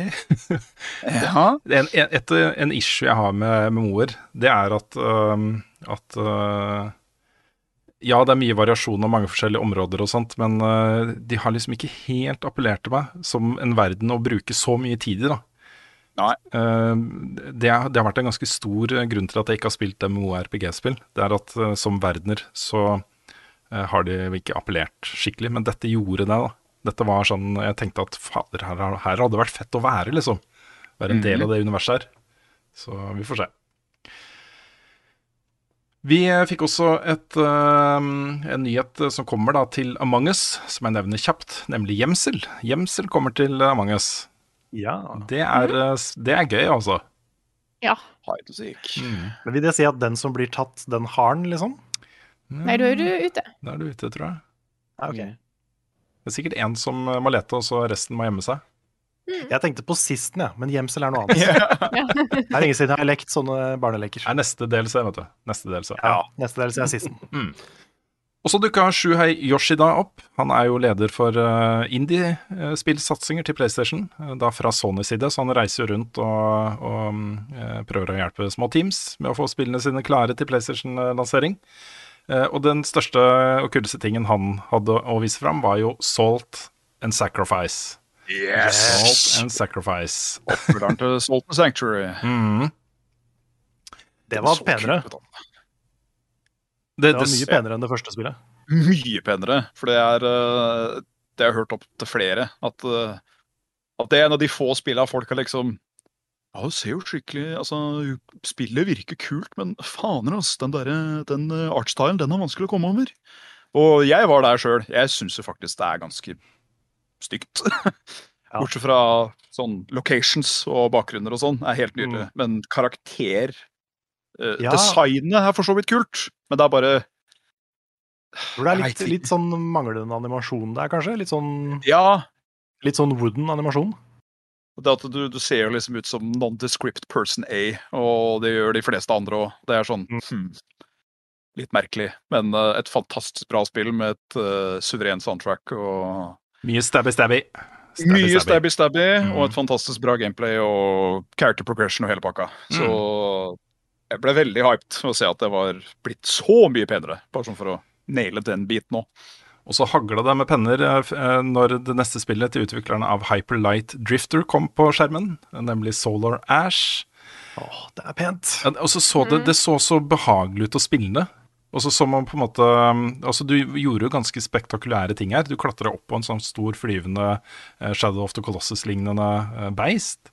Og så Ja. drev du og skata rundt oppå der og to aktiverte forskjellige staver på ryggen og, og sånne ting, og trykke R2 for å hoppe over hit, sånne type ting. Det føltes veldig sånn flytende, da. Det det? så digg ut å spille, rett og slett. Det, det er en av de tingene jeg husker best fra Hyperlight Drifter, er at uh, combat-systemet der var, var bare så flytende og godt å spille. Mm. Så hvis de har klart å få til noe sånt her òg, så, så blir dette her bare knall, altså. Mm. Og så var det det her- Vi fikk et sånt øyeblikk som jeg følte var veldig level up. Veldig sånn derre Ja, det, dette er med å definere hvem vi er også. Vi er gærne etter Soulsborne og klarer ikke å slutte å snakke om det. Men vi er også veldig glade i spill som bare ser litt ekstra vakre ut. Og det kommer da et uh, spill fra et lite svensk indieselskap nå som heter Planet of Lana. Og da var alle Jeg prøvde å liksom roe ned litt, men det, alle var bare sånn Å, det er det vakreste jeg har sett. Og, Ja. Ja, det Kalte oss- Du kalte oss nerder, Rune. ja. Det var en så koselig liten ball som du kunne Ja. kose med. insinuere at vi som sitter her, er nerder Nei, nei, nei. Jeg, jeg bare, jeg, bare jeg, jeg tenkte på det poenget mens dere holdt på, skjønner du. At dette, dette, Ja, ok. nå, nå er vi veldig level up her. Veldig level up. ja, ja. ja, men fy fader, den, den fargebruken og de der søte figurene Ja, ja, ja. var liksom prima. Eller håndmalt, hallo? Ja, det var håndmalt. Alt var sånne akvarellmalinger, eh, var det ikke Ja. det? Jo, ja, det var det. Skikkelig flott og pastell. Mm, ja, det, var, det så innmari flott ut, altså. Mm. Jeg, eh, jeg, jeg kasta ikke penn på den. jeg tror jeg var for opptatt med å liksom tenke over uh, du, du, du. Men uh, grunnen til at jeg ikke gjorde det, var at jeg har en mistanke om at, at, at selve liksom kontroll, kontrollen av karakteren så litt klønket. ut. Det var ikke litt, også som Sammenligna med f.eks. Ori, som er veldig sånn det er, også, det er ingen tvil om at hvem som er badass i denne verden her, liksom så kjente altså det, det så litt sånn stokk ut, den uh, sånn henta fra en engine. Ikke sant, sånn plattformhopping. Hoppe, ta tak i kant. Men det, det altså, ja. Pirk. Pirk fra min side. jeg uh, har egentlig bare satt opp det også, så um, eh, er det jo masse ting, så jeg kan rase fort gjennom, så får dere bare liksom stoppe meg hvis det er noen dere har lyst til å snakke om. Ja. Jeg bare, siden jeg ikke var med forrige podcast, Ja. må jeg bare nevne at uh, Two Point Campus, hell yeah. Ja. Ja, enig. Da ble det veldig utrolig kult ut. Mm. Ja, nei, vi, vi sa jo det i podkasten i forrige uke, at dette er jo uh, noe Carl kommer til å bli veldig glad for. Oh yes. Two Point Hospital var kjempebra. Mm. Så dette, er, dette blir bra. Mm. Kult med en ny setting. Det var jo veldig mange som ble veldig hypa for eh, Metal Slug Tactics også. Mhm. Mm. Vi fikk se litt fra Jurassic World Evolution 2. og Det, det var et litt eh, morsomt øyeblikk, syns jeg. Fordi da var det uh, vill jubel i chatten fra opptil flere. Vi var sånn Hva slags spill var Evolution 1 igjen? Hva, hva, er, hva er dette oppfølger av? For det var den derre Park-bilderen, var det ikke det? Jeg vet ikke. Jeg tror vi har et Jo. hull her, folkens. Ja, er, det. eh, jeg googla det i stad. Det er sånn typisk sånn Su- Su-bilder-aktig, virka det som. Eh, skal det Altså eh, Hva heter det? Du setter opp din egen park, tror jeg. Kan Ja. godt hende at jeg tar helt feil nå, men jeg tror det i hvert fall. Mm. Og så er det all grunn til å bli bekymra hvis eh, disse dinosaurene plutselig kan svømme under vann. Trenger ikke bare å være bekymra for at de kan fly. De kan svømme Nei. under vann også. Det er helt sant. Det er helt Mm. sant. Ryan Reynolds dukka opp for å snakke om filmen Free Guy. Det er en film jeg skal se. Den skal jeg se. Ja, den så, Ja, så fløyelig ut. ut. Mm. Så morsom ut, den. Vi ble enige om å lage en 32 mann stor squad i Chivalry 2 under eh, pressekonferansen. Og ganga på én fyr. Mm. Bak Nick. Alle mot én. Ja. Nick, Nick. ja, Nick må lede oss. Mm. Nick står foran med Tower Shield, og så står alle sammen bak på én rekke They pil og bue. ja. Day may come when the courage of man fails. sure as hell not this day. Ah. Og så viste de fram noen nye environments til eh, Escape from Tarkov, som var da Streets. Streets of Tarco, tror jeg de kalte det. Litt mer sånn gatekamp og trange korridorer og sånne ting. Ehm, ja, nå blir det veldig sånn derre Dette har vi gjort for marketing reasons, mens Stranger Things kommer til Smite. Uh, det var en ny publisher på vei som heter Prime Matter. Jeg tror den er svensk også. Jeg tror det, det er også I og med at den er Payday, og det kommer fra THQ, og du har Embracer Group bak her, og det er masse greier, liksom. Mm. Eh, og så var det et spill som heter The Anna Cruises. The Anna Cruises Hva husker vi om det? The Anna Cruises Jeg husker at det så kult ut. Ja, det var det alle disse monstrene som så ut som de var på vei til jobb. At de var for seint ute til jobben. Ja, Ja, ja, ja, ja. De fire karakterene som uh, hadde sånn, uh, sånne jabs på på hverandre. Ja, stemmer. Stemmer det. Mm. Stemmer det det var. Uh, og så har du Bloodhunt, som er et Empire the Masquerade-spill. Hvor eh, du spiller som vampyr. Jeg syns det, det ser fett ut også. Da blir det nesten tenn på meg. Det kan bli ordentlig, ordentlig moro. De kaller det et survival-spill, men du er vampyr. Det, det er uh, my cup of tea. Oh yes. Uh, skal vi se, skal vi se, skal vi se House of Ashes har vi jo snakka om før. Um, Tales of Arise fikk dato i september. Um, det flotte mobilspillet Sky fra utviklerne av Journey kommer nå til konsoll. Først på Switch den 29. juni, og så var det vel PlayStation og Xbox. Det husker jeg ikke i farta. I juli. Men det var i hvert fall eh, Switch først, da. 29. juni. Å, det er jeg spent på. Mm. Sånn helt meningsløst. eh, De dukka opp fra Blizzard for å vise fram to nye skins til Overwatch 2. Det kunne de Ja, godt ha latt være. Ja. Men det var vel Var det sånn default redesign, liksom? At det var derfor det var litt big deal for dem? At det liksom, dette er sånn de kommer til å se ut Ja, i spillet? Ja da, altså det, men jeg, jeg skjønner ikke det, for det, det er det de har snakka om liksom hver eneste gang, er at de har bare redesigna de karakterene. Så det var liksom ikke noe nytt og spennende, syns jeg. Nei. mm. Dark Alliance Ja, var- ser fett ut. Kommer til høsten, det også, visstnok. Eh, Var ikke det også september? Jeg husker ikke i farta. Men der er vi jo litt i eh, Der er vi litt i sånn Monster Mose eh, Diablo-området også. Mm. Mm. Third person monster hunting. Yes. Monster Hunter Stories 2, Wings of Ruin. Alle syns det så dritt ut. Ingen er interessert i det. Ja, altså det sa jeg ikke. Det, sa jeg ikke. det, ser, det ser veldig pent ut. Um, men det er jo Altså, jeg har ikke blitt solgt på historien i Monster Hunter-universet. Det er derfor ikke jeg er så interessert i det. Uh, fordi Monster Hunter er bra på alt mulig unntatt story, på en måte. Så jeg har liksom ikke noe sånn historiemessig tilknytning til det universet. da. Nei. Så Derfor så er det ikke fullt så appellerende til meg som det kanskje hadde vært ellers. Bra presisering av poenget mitt, eh, Karl. Eh, de viste fram mer fra Endless Dungeon, som er litt sånn uh, Tower Defense, uh, pass på den dingsen her, eller så er det Game Over-type ting. Masse monstre som kommer og sånne ting. Um, ja, vi fikk uh, hilse på Ratchet Clank-utviklerne. Vi fikk et uh, slags intervju med uh, Hva er han heter? igjen? Giancarlo et eller annet. Eh, Ja. Gustavo Fring. Ja, Skurken i Far Cry 6. Mm. Um, det, er, det er litt morsomt å se, liksom, for han er jo så god som bad guy. Både i The Boys, i Mandalorian, i Far Cry, i Breaking Bad. Og så er han bare Ja, er verdens Boys, hyggeligste, koseligste bestefar, liksom. Ja, skikkelig good vibes man, altså. Ja. Esposito, blir det sagt i chatten. Tusen takk. Esposito. Ja. Despacito. Yes, nei, hei.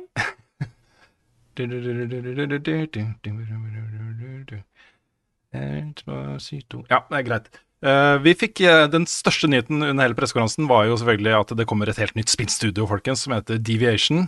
Det heter Deviation, De har jobba med store ting før, og nå lager de et nytt studio. De hadde ingenting å vise fram, da, men de har et Nei. nytt studio som kommer. Det er en logo? de heter veldig Deviation. Ja, det heter Deviation. Ja, det var så mange. T-skjorter på skjermen med bilde av Deviation. Ja. Jeg nevner også at eh, Tribes of Midgard kommer nå 27. juli, og det er litt sånn selvshada um, uh, Valheim. Samme type greier, liksom. Ja, jeg vet ikke om det var like sånn survival-spill, men det ligna veldig sånn mekanisk på Valheim. Ja, du kommer til et sted, og så skal du utvinne ressurser og drepe dyr, og så, så av det så lager du klær og armor og våpen og sånt, og så bygger du en camp, og så stikker du ut og dreper monstre, og så Du skal beskytte Yggdrasil. Det var liksom Ja. Ja. Ja, for det er vel det som er største forskjellen på Mm. på det og Valheim. At det er litt mer sånn protection Ja. av noe i det. Og så nevner jeg bare til slutt, vi fikk et eh, nytt uh, herlig blikk på Tunic, som er et spill som har fulgt oss en stund nå, gjennom flere etere og andre sammenhenger. Hvor det er på en måte en, en eh, reveversjon av de gode, gamle Zelda-spillene. Det ser fortsatt bra ut. Hell yeah. Mm. Så hvis ingen har noe Jo, jeg glemte det på neste side her, så står det selvfølgelig Evil Dead the Game. Evil Dead Ja. the Game. Å, det så ut som Gladvold på sitt beste. Ja, ja, ja. Jeg vet det er et, et par ting jeg ikke har skrevet opp på den oversikten her. Det var sannsynligvis fordi jeg vurderte at ikke det var, dette kom jeg ikke til å snakke om, men jeg beklager hvis jeg har glemt noe viktig her. Jeg har ikke glemt noe av de største tingene, i hvert fall. All right. Da er vi ferdig med første pressekonferanse på årets E3. Går videre til en eh, avduking som var i går, nemlig Battlefield 2042. Det kommer Ja. 22. oktober. Eh, Vi kan også informere om at det ikke er politisk. Ja, det, de sier han, ja, det foregår i framtiden, og ja, verden har gått til helvete pga. klimaødeleggelser, men nei, det er ikke noe politisk kommentar til det. Det er bare Nei. en, eh, en stilig bakteppe. det er litt morsomt, men uh, uh, ja. Det er i hvert fall altså- ja. Ja, vi, vi har snakka mye om dette her før, så vi trenger ikke å ta en lang greie på det. Men det er så rart at så mange spill-publishere går inn for å liksom presisere at det vi lager, skal ikke si noen ting. Mm, Det er, det er så dust. Slutt med det. Takk for Ja. det, ja. Det, det ordet. Ja. Det er, ja, vi hadde jo en, en lignende sak med Far Cry 6, hvor øh, de første uttalelsene øh, øh, var jo sånn Det er ikke noe politikk i dette, liksom. Men uh, det var litt misforståelse, da, fordi han ble spurt om Cuba, liksom. Er det inspirert av Cuba? Ja, det er Ja. selvfølgelig er det inspirert av Cuba, men det er ikke ment å si noe om hva som skjedde på Cuba. Det er mer et, sant, et utgangspunkt. Mm. Uh, Ja, fordi Ubisoft har snudd. Far Cry har snudd. ja, han var veldig raskt ute, og bare sånn eh, selvfølgelig, ikke sant, det handler om revolusjon og Mm. eh, utnyttelse av arbeidskraft og eh, lokalbefolkning og sånne ting, liksom, selvfølgelig han er det, ikke sant. Um, men eh, det som på en måte er verdt å nevne her, er jo at Battlefield 2042 det er jo ikke noe singleplayer-del her. Det er ikke noen campaign, noen historie du følger. Det er et rendyrka multiplayer-spill, for det er enten eh, 128 eller 64 spillere, etter sånn som jeg forsto det. Altså to forskjellige modes, da.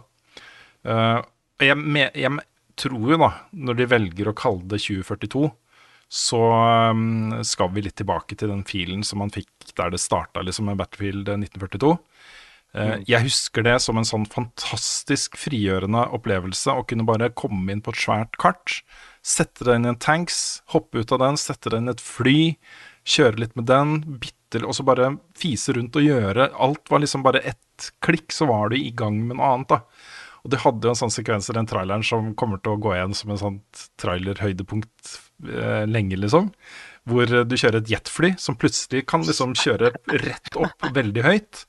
Og så jekter du fra den, tar fram rocket launcher, skyter jetflyet som er etter deg, og så tilbake jetflyet igjen. Og bare, ikke sant. Det var sånn herlig Sånn skal Battlefield være. Det er sånn det skal være. Den er, den er jo legendarisk. Den Ja, har ja, til og med et navn, liksom. Ja.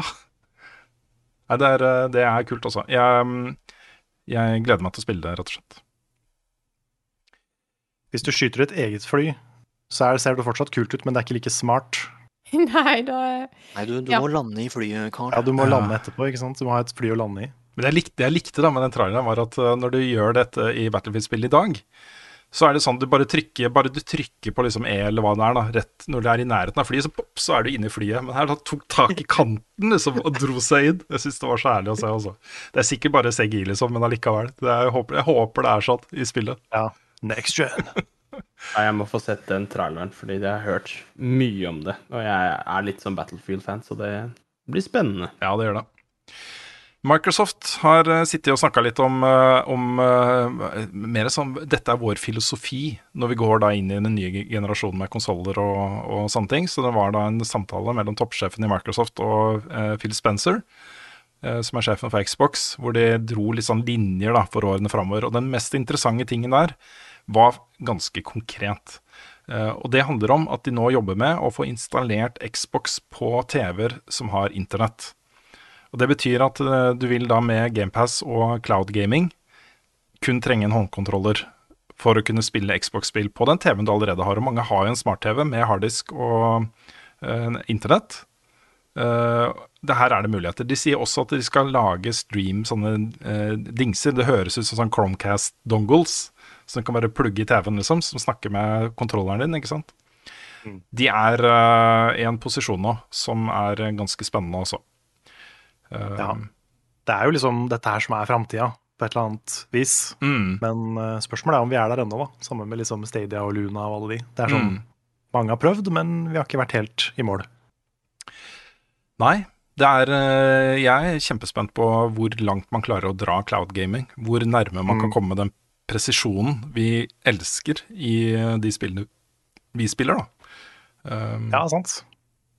Men for en litt sånn større utbredelse så tror jeg det kommer til å bli massivt uh, viktig. Um, det er, det, når terskelen er å ha en håndkontroller, så um, er, er vi en litt annen ballgame, altså. Ja. Jeg opplevde en, helt syk eh, opplevelse forrige dagen da jeg spilte GTA5 på mobilen. Det var liksom litt sånn helt sånn rart. Ja, det var streama, og man på en måte merka litt Altså, nå sitter jeg her med fibernett og alt mulig, så det er jo sikkert veldig optimale på å si, vilkår for det, men det var eh, helt merkelig å se det spillet liksom på lille mobilskjermen. da. Det var sånn Ja. Det var kult. Ja. The future's future today. Yes. Det kommer en uh, ny håndholdt uh, konsoll som Nick har bestilt. Jeg tror eh, den crowdfundinga som ligger bak den konsollen, var det Nick som sto for. Hva- hva- ja. Den er ja. liten og veldig gul. Den er kjempegul. Det er jo min konsoll! Ja, den heter Playdate. Dette er et ganske kult konsept, altså. Den kommer nå for uh, forhåndssalg i juli. Den vil koste da rundt 1800 kroner. Og den er bygd opp som en veldig sånn indie-greie. Den har til og med en egen crank på siden som du kan bruke som kontroller. Jeg tror kanskje du kan wine opp batteriet på den også, men jeg, det er, ikke arrester meg på det. Jeg er ikke helt sikker. Så jeg får meg sånn spilledåse som du Ja. måtte sitte med. Men det er en enbits, den har en enbits sort-hvitt skjerm. Uh, og det er bygd opp sånn at uh, det vil komme liksom spill i sesonger. Det vil komme to nye spill i uka, som alle får. Det er, lastes automatisk ned på konsollen. Eh, og i sesong 1 er det 24 spill. Og to av disse spillene eh, er jo ekstra spennende. Det ene er fra Bennett Foddy, fra, eh, kjent fra Kopp og andre ting. Ja. Eh, og det andre er fra Lucas Pope. Og Det spillet heter Mars After Midnight, så dette er spillet til han som har lagd Obra Dinn og Papers Please. Som har Oi. utvikla et eget spill for dette her, da. Det har en sånn utrolig indie-fil, dette her, og veldig sånn retro sånn kosefil, og så er den jo gul, da. Du kan til og med få sånn egen eh, sånn eh, høyttaler som du kan koble den til, og da blir det en litt sånn større gul boks. Den er veldig gul, Nick. Den er kjempegul. Har du Ja, googla er den, eller? Jeg skal prøve å finne bildet av den. Playdate det heter den. første, første altså. hardware Nick anmelder? Mm. Playdate Playdate heter den. Å, den er jo faktisk helt gul! Ja, Til og med knappene òg. Jepp. Nå er jeg også sen, jeg har ikke sett den. der, der er den derre den oppdrag. Aldri Oi, den var kjempegul! Veldig gul. Er den så gul? Nå? Du kan ha fiskespill på den. Ja, ja, ja. Å, Wow. men se på den, da. Ja, den var søt. Mm. Ja, Playdate console. Den ikke der, ja. Dere som hører på, kan da bare forestille dere noe veldig gult, så er dere ganske nærme. Gult og søtt. Ja. Vet du, den er, den er Pikachu-gul. Ja. ja. Ja. Ja. Og den er en Gameboy, bare at den er breiere enn den er høy. Ja, brei, brei og tynn. Mm. Ser kvadratisk ut, faktisk. Ja, ja. det. Er det noe pris på den ennå? Ja, de, det er, eh, Den prisen jeg har sett, var eh, 180 pund. Okay. Det er som ja. regel i hvert fall tigangeren, så, sånn i underkant av 2000 kroner, tenker jeg, i Norge. Det er dyrt, da. Mm. Men uh, verdt investeringen. Ok, jeg går videre. Um, et spill som jeg gleder meg kjempemasse til, uh, er eh, det som tidligere het Rainbow Six Quarantine. Pga. pandemien har de nå endra navn til Extraction.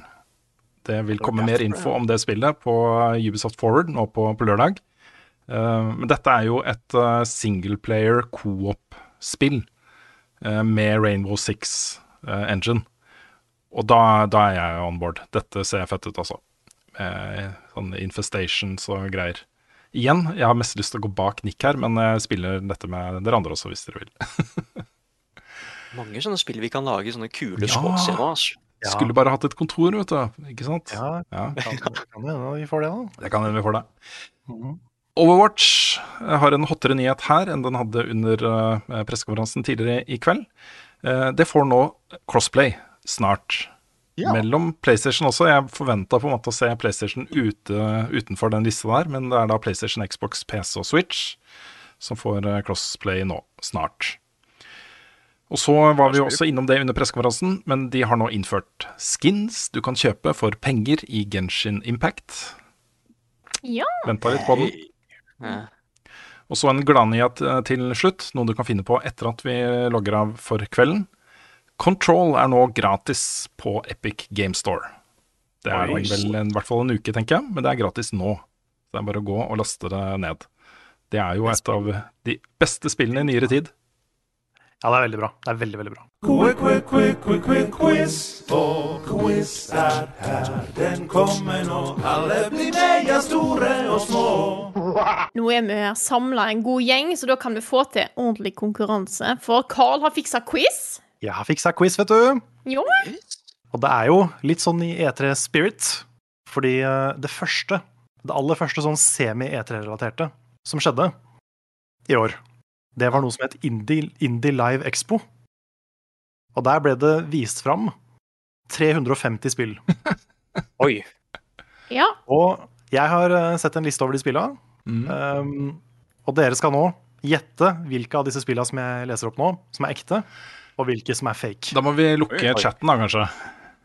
Ja, for Ja. Jeg tenkte chatten skal få lov å være med, men det er ikke lov å jukse seg sånn honor-system. Ja, greit. Så, Ok. så vi hver for oss lukker chatten her nå. Ja, det er kanskje lurt. Skal vi telle poeng selv, eller hvordan funker det? Ja, gjerne tell poeng selv. Okay, Jeg har ti penner. Jeg kan bruke telle poeng. Ny Nice. En Faen, skal vi se, da har vi noe paper Paper der, OK. Yeah, det kan hende du trenger mer enn ti penner, forresten, Frida. Jeg har penn og kork. Nice. Da går det bra. Da går det bra. Hell yeah. Ok. ok. Nei, så det er, det er veldig sånn eh, holdt på å si ja og nei-svar, eller real eller fake-svar, så det er bare å skrive liksom i chatten hvis du vil være med, real fake. Mhm. Og så- men, men, men igjen, ikke lov å google. Det er viktig. Mm. Let's not, let's not ruin the fun for anybody. Mm -hmm. yeah.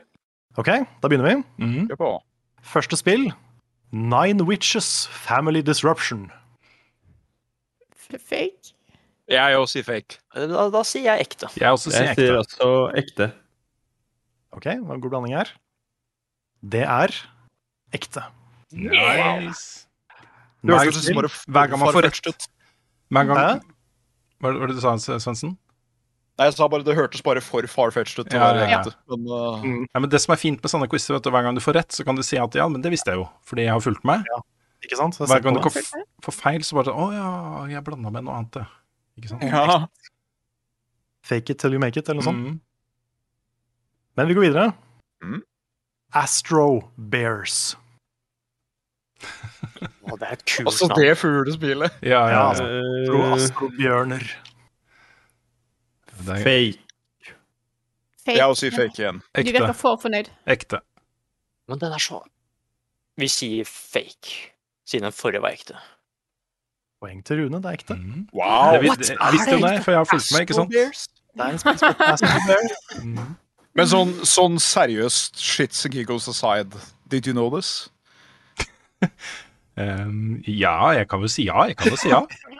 Neste spørsmål, Ja, sier Rune og rister på hodet. Ok, um, neste spill er redemption.exe.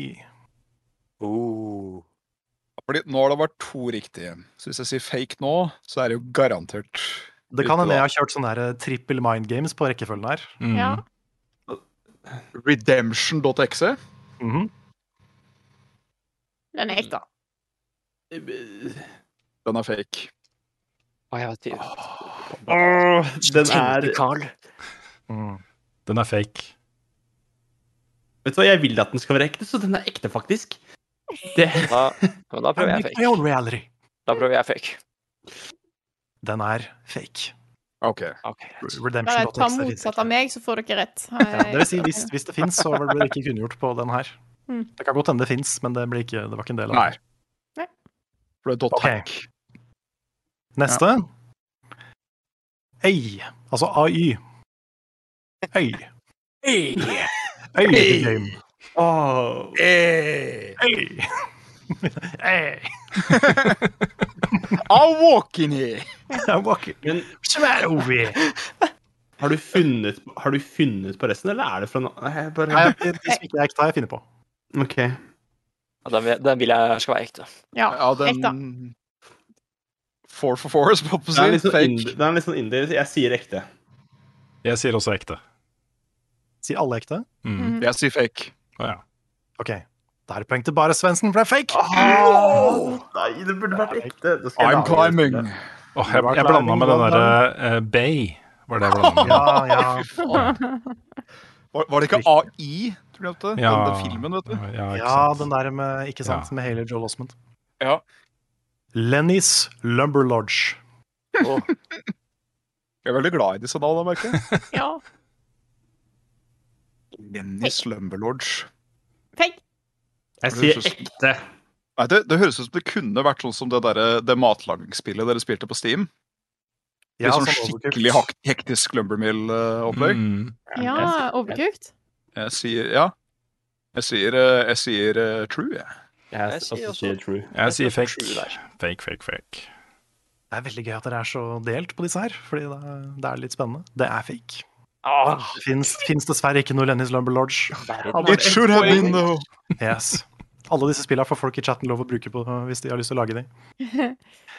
Uh, Mad Rat Dead. Dette er ekte. Dette er såpass teit at det må være ekte. Jeg, må si ekte, jeg nå. For jeg er jo jo en rekte. Ja, var alle ekte nå? For da prøver, jeg. da, for da prøver jeg fake. Eller jeg tror den er ekte, men jeg går Jeg, jeg tror også den er ekte. Den er ekte. Ja, den var litt for teit at jeg klarte å finne på, så Mad Rat Dead er et ekte spill. Nice. Mad Rat Dead. Uh, neste Request, altså re kolon quest Metal Panic. Tror Ja. jeg faktisk er ekte. Ja, Den sier jeg, den sier jeg fake. Den er fake. En god spredning her òg. Alle svart? Mhm. Ja. Den er fake. Ja, Request Metal Panic er fake. shit, dette går dårlig, altså. Mhm. Tenkte et, jeg planla med ReZero jeg nå. Ah, ja. Ja, ja. Mm. Sa jeg at den var fake eller ekte? Nå glemte jeg helt hva jeg sa for noe. Nei, men du, det Men uh, det går bra. Det husker jeg ikke. Da, gir jeg ikke noe, da skriver jeg ikke noe. Uh, Proto Corgi. Nei. Den er ekte. Den er Fake. Alle svart? Nei, den er, Nei. Den er uh, Ekte. ekte. Ekte. Det fins. Jeg prøver. Det, det hadde vært et Finnes kult spill. Jeg kan se det for meg, så vi sier ekte. Proto Corgi er ekte. Yeah. Hva er man, hvis man slipper å få penner og telle poeng med. Da må du jo hente noe Eller annet. igjen. Hvor mange spørsmål er det igjen? Uh, nei, vi er litt over halvveis, tror jeg. Oi, såpass, uh, er en såpass del, omfattende. Ok. Ok, neste. Antler Song, Dream of the Woods. Antler Song, Dream of the Woods. Dette her eh, Det er så mange her som kunne vært ekte, men som òg kunne ha kommet ut av hodet ditt, så det er litt vanskelig å eh, Ja. Men jeg tror jeg sier fake. Frida sier fake. Det er, det er sånn, det er sånn semipretensiøst. Kan du si det en gang til? Antler. Antler Song, Dream of the Woods. Fake. Jeg sier ekte. jeg. Hvis det er et ekte spill, så har jeg ikke lyst til å spille det. Nei, men det er litt der hos meg òg, faktisk. Jeg sier fake. Ja, jeg sier også fake. Det er korrekt, det er fake. Ja. Neste spill. Nephilim Frame the Second. Ja, ekte. Det er ekte. Ekte. Det er fake. Nå har jeg satt motsatt av dere fleste så mange ganger, nå må det være fake. Jeg har aldri hørt den bruke Nephilim. Nei. Nei, Jeg tipper ekte. Dere sier ekte? Jeg, jeg, Jeg jeg, sier fake. ja, jeg sa ekte. Det så, ser Ok. Alle unntatt Espen sier uh, ekte. Da Ja. lurte jeg dere godt, for det er fake. Åh, din Det luremus. fins ikke noe Nephilim Frame the Second. Åh, jeg tenkte på Neklim, jeg. Neklim frame. Ja, ikke sant? First. Ikke rart, du ble forvirra. Ja, ja. Da går vi videre til Clone Drone in the Danger Zone. Her er det noen utviklere som har kost seg, tror jeg. Så det sier jeg ekte. Jeg tror det er ekte. Uh, Jeg tror det er fake. Jeg sier ekte. sier fake. Den er ekte. Åh. Har du sett hva slags spill er det? Jeg har ikke peiling. Det er bare, de viser sånn fem sekunder per spill, så jeg har glemt åssen alle ser ut. Mm. Um, Ever tried. Ever tried? Ever tried. Have you ever tried? Du kunne kommet ut av hodet ditt, Carl. Uh, så jeg sier fake. du- skjønner ikke hva du mener. Ja, jeg sier fake på den, jeg jeg også. sier fake, jeg òg. Have you ever had a dream that you, that you could that you, that you that that you could that you, that you that that you and then believed in it? You could do anything? That you ever tried? Har alle sagt fake? Ja, jeg sier fake. Alle Ja, alle sier alle sier fake. Ja, da kan jeg prøve ekte, jeg, da. Du er så Det er bra gambla, Nick, for det er ekte. Oi, Ja, ja, ja. oi, oi. For et navn! Ja. Ja. Det er noen Um, navn som gjør meg litt sint. Det er litt sånn lange anime-titler-navn. Ja. ja.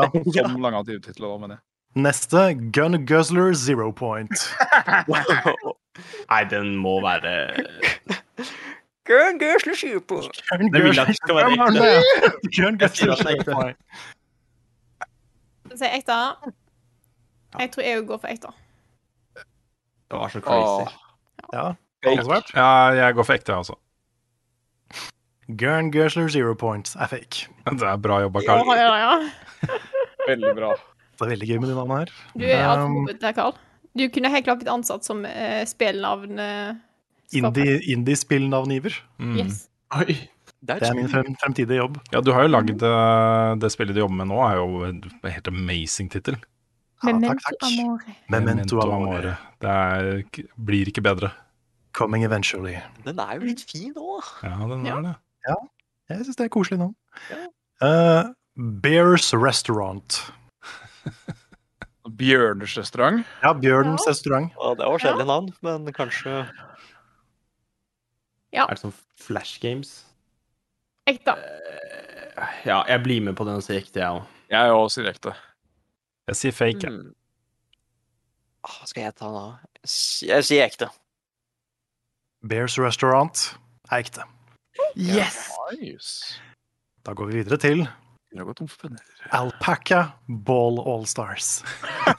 Den er Den er fake. Ja, jeg tenkte Men så Ja, tenkte jeg den er ah, den er så syk at den kunne vært ekte, da. Ja, det er det, men Ja. gud. Jeg bare følte at det var fake. Den er fake. Jeg så Det kan hende Carl bare lurer meg med smilene sine. prøver å få et poeng, jeg å få et poeng så jeg sier, jeg sier den er ekte, jeg. Bare sånn for å prøve å få, poeng. Jeg tror den er fake. Alpaca Ball Allstars er ekte. Er det sant? Da. Fikk du poeng, Espen. Wow. Oh, da var jeg sikker på at du hadde liksom faka oss ut med Allstars-delen av navnet. Ja. At du, du slengte på den, liksom. Ja. Underbirth Amnesty V1.5. Å, Å, det var helt Ja, Oh, her kan det gå begge veier, så jeg sier ekte, jeg. Ja. Ja, den vil jeg skal være ekte. ja. Det Jeg må er tenke- alltid mange japanske spill med birth i seg. Mm. Jeg Ja, sier fake, er jeg. òg sier fake. Vet du hva, jeg vil den skal være ekte, så jeg sier den er ekte, jeg. Alle svart? Hva kan du si den igjen? Underbirth Amnesty V1.5. Den er ekte. Wow. Den er vanskelig. Ja, vi, vi, prøver, vi prøver ekte, så kan verden være litt magisk. Det er jeg enig. Verden er dessverre ikke så magisk, det er fake. Å, Den var så kul, da. ja. Og så har vi Gourmet Platypus. Åh! Nå har det vært flere restaurantting her, Ja. så jeg innser at det er et, det er et tema. Mm, den er ekte. Ja, men Den er da er ekte. sikkert den fake fordi Carl fikk inspirasjon fra Ja, Bear Bjørne Restaurant. Ja, mm, tenkte Jeg det. tror- Jeg tror den er ekte, altså. Jeg òg tror den er ekte. Jeg, jeg tror den er fake. Da prøver jeg også fake. Det er bra, Nick. Det er nesten jeg har lyst til å gi bonuspoeng til Nick, fordi den ble veldig inspirert av Bears Restaurant, og den er, Nei! Den er fake? den er fake. Yes. Det er bra med fake. Ikke verst. Jeg, altså, jeg tar gjerne et bonuspoeng. Altså. Ja. Det, du var så, var så presis der, så du kan få et halvt bonuspoeng, Nick. You. Oi, den kan bli riktig. -hmm. Det kan det. Kan det. OK, vi er snart ferdig. Uh, Skeletopia. Skeletopia. Det var ikke et dårlig navn. Nei, Utopia. Skeletopia. jeg tror han er fake. Jeg tror det det er Ja. Jeg tror jeg ser for mye på uttrykket til Carl når den eh, Ja. Og så var det helt seriøst med sånn Skeletopia. Ja. Ja, for jeg prøver, jeg, Nå prøver jeg å si minst mulig med ansiktet mitt. Noen ganger Mm. kanskje til og med mislide dere litt. Ja. Ja, sånn. ja. Mhm. Jeg kan tro den er ekte. Lille luring. Jeg blir med Espen på den. Jeg sier den er ekte. Jeg sier den er fake. Nei, det er jo ikke en dårlig tittel, da. Nei, det er ikke det. Det er vilt å finne på, da, i så fall. vi prøver fake. Hva sa du, Frida? Jeg tror jeg sa fake. Den er fake. Oh, går det Teletopia is fake. Det var bra, bra funnet på. Mm. Det kunne vært et spill. Kunne vært et spill. Det, var, det var ikke dårlig. Da er det to til. OK. Og to siste muligheter for poeng. Hype. Needy Girl Overdose. Åh, der har vi animertittel, til du. Ekte. Ja, jeg sier også ekte. Den er for dark for Carl. Nei, det er, ikke, er det for dark? Jeg den var veldig dark. Jeg har trua på Carl. Jeg sier ekte. Nei, altså. Men jeg Jeg tenker ikke Needy Girl Overdose som i liksom rus-overdose, men at det er litt sånn overdose. Å ja, girl, ja. ok, Da blir det Ne needy Girl Overdose, liksom. Det er sånn overdose av Needy Girls. Ja, for Hvis det var Needle Girl Overdose, da begynner da er det, da er det, da er det veldig Da Da er det det plutselig veldig dystert. Jeg tolka det som skikkelig dystert. Er. Eh, Da tar vi fake. Needy Girl Overdose, alle svart, Mm. Ja. er ekte. Nice. Hva handler det om? Jeg tror Hva det handler er om at du skal Så vidt jeg husker, så handla det om at det var sånn du skulle Hvis ikke jeg blander, så var det en streamer som du kunne se på, så kunne du delta i chatten og sånn. Det var sånn der veldig okay. rar Det er ikke Left 4 Dead med Needy Girls, liksom? Nei, nei, men det er mulig jeg blander med et annet spill. Ja. Switch the Også game. noe som het uh, Influencer eller et eller annet sånt. Idol Girl Simulator eller noe sånt. Så det er mulig jeg blander med det. Ja, for jeg syns du sa Needy Girls Overdose. Å ja. Ok. det er- Ja, jeg ble bare det, Den var dark. Ja. Men, men OK. Men den var altså ekte. Siste, Ja. siste spill. Mhm. Sushi Alone. Den er ekte. Det er pandemiinspirert. eh, Den er ekte. Oh. Sushi alone. Pandemi-inspirert Sushi Mm. Alone. Den er fake. Den Den er er så fake. Navnet er for fint, så den, den må være ekte. Jeg tror også den er ekte. Jeg slenger meg på den. Sushi alone. Tror ikke det, altså. Du må si Det er det fort. mobilspill. Alle svart? Ja. Sushi Alone er ekte. Åh. Oh. Bokstavene unntatt den siste én er store bokstaver. Oh. Det er Sushi Alone. Åh, sushi alone. Det var alle. Det var alle. ikke verst. Okay. Espen, hvor mange poeng fikk du? Jeg skal regne ut her nå. Skal vi se. Jeg har, hvis jeg har gjort dette riktig, så kan jeg kunne gjøre Skal vi se. Sånn. Nei, da må jeg telle. Vi tar Frida først. Jeg har sju poeng. Sju poeng. Åh, jeg har ti poeng. Oi, kan, jeg ta, kan, jeg ta, kan jeg ta til slutt, siden jeg har et halvt poeng? Kanskje det er liksom Ja, ja, ja. Ja, ja, det, det. Ja, okay. ok. Frida har sju, Espen har ti. Mhm. Svendsen. Jeg har elleve. Oi, Oi. oi. Foreløpig leder. Jeg har ti. Oi. Og da it's all, it all comes down to Svendsen. Oh my god, for jeg har faktisk elleve! Wow! Og et halvt! Elleve og et halvt poeng. Oh my god, Nick. Det er faktisk helt sant! Det er halve poenget, altså. knew me too well. Det halve Det er faktisk helt sant! Du vant med det halve poenget. Fy fader. How is Men det var en- possible? Neste anime-date, Nick. Da skal vi ha en liten prat. Er. Over halvparten riktig. Hva er hennes best, hvor var fredag sist, har Carl egentlig sopp? Ukens spørsmål. Denne gangen her så har vi nå gått ut til livechatten vår og spurt etter spørsmål, siden dette er en live-podkast. Eh, denne gangen her, ikke fast. Eh, og vi begynner med spørsmål fra Thotrå03, som spør hva er deres største frykt med Elden Ring? Eh, Rune sa det egentlig ganske fint i stad, eh, eller men det var så poengtert at det skulle være sånne der jævla checkmarks og lines og drit og møkk overalt. Som liksom Ja, her kan du gå, dit kan du gå. Mm. Eh, det vil jeg helst ikke ha. Jeg tenker at det, et en bra kompromiss der måtte jo vært om du kan lage dine egne, egne marks i verden. Hvis du kommer over noe som er fett, men kanskje fienden er litt høyt level, at du kan lage en eller annen sånn mark der selv, da. Mm, Sånn som i Breath of the Wild. Sånn som i Breath of the Wild. Det er smart. Mm. Mm. Ja, kanskje, kanskje det. Tenk det er om, egentlig, jeg kommer ikke på noe bedre frykt enn den. tenk, Jeg, om, jeg har så mye tro på resten. Ja. Tenk om det bare er megakort. Det er liksom på en halvtime, og så ferdig.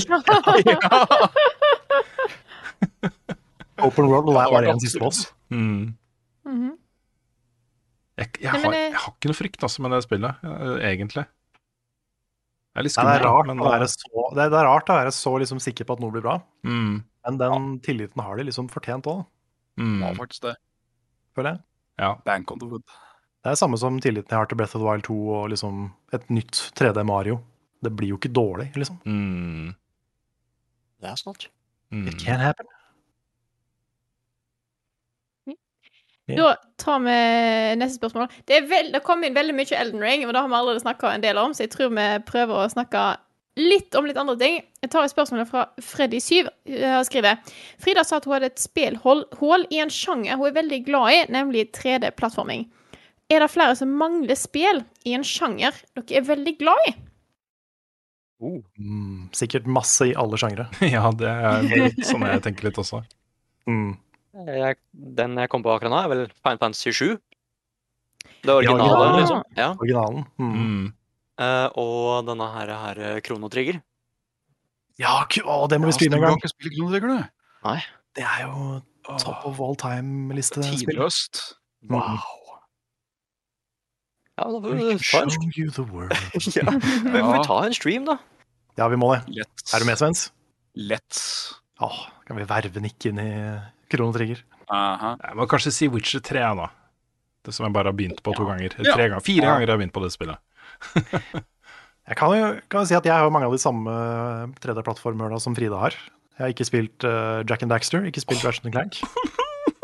Ikke noe Nei, det har ikke heller, Jeg vet det, Rune. Jeg beklager. Jeg fikk What? PlayStation 2 når de ikke var så nye lenger, og da datt de litt bort. Men da har jo spilt Ratchet Clank. Burde ha gjort det, altså. Jack and Daxter er tilgjengelig på PlayStation 4, tror jeg. Originalen, liksom. Originalen, ja. I det HD, HD remastered-versjonen som kom til PlayStation 3. Jeg tror den er tilgjengelig på PlayStation 4. Ah, kult. Det er litt clunky, altså. Det er litt clunky. Men det er Ja, for eh, jeg vet ikke om det, jeg er litt redd for at liksom, the moment has passed. Ja. Hmm. Kanskje. Jeg eh, personlig elsker jo Fallout, men jeg har jo ikke rørt de to originale. Ah. Nei. Oi, Så jeg føler jeg kanskje har noe eh, jeg bør uh, eh, ta et dypdykk i en gang. En gang. Det, det tror jeg hadde vært til felles med ganske mange, egentlig. At ikke de har spilt én og to. Mm. Tror det. Jeg kommer ikke på noe akkurat nå. Den er grei. Da jo eh, det høl. Jeg tar eh, dette spørsmålet fra Elias Luckert. Han skriver eh, Spent på tankene deres om fremtidig E3. Nå er det jo digitalt, og det er jo store selskap som velger å ikke delta, og lignende. Hva tror vi skjer med E3? De har jo prøvd seg på digital De prøver seg jo på digitalt i år.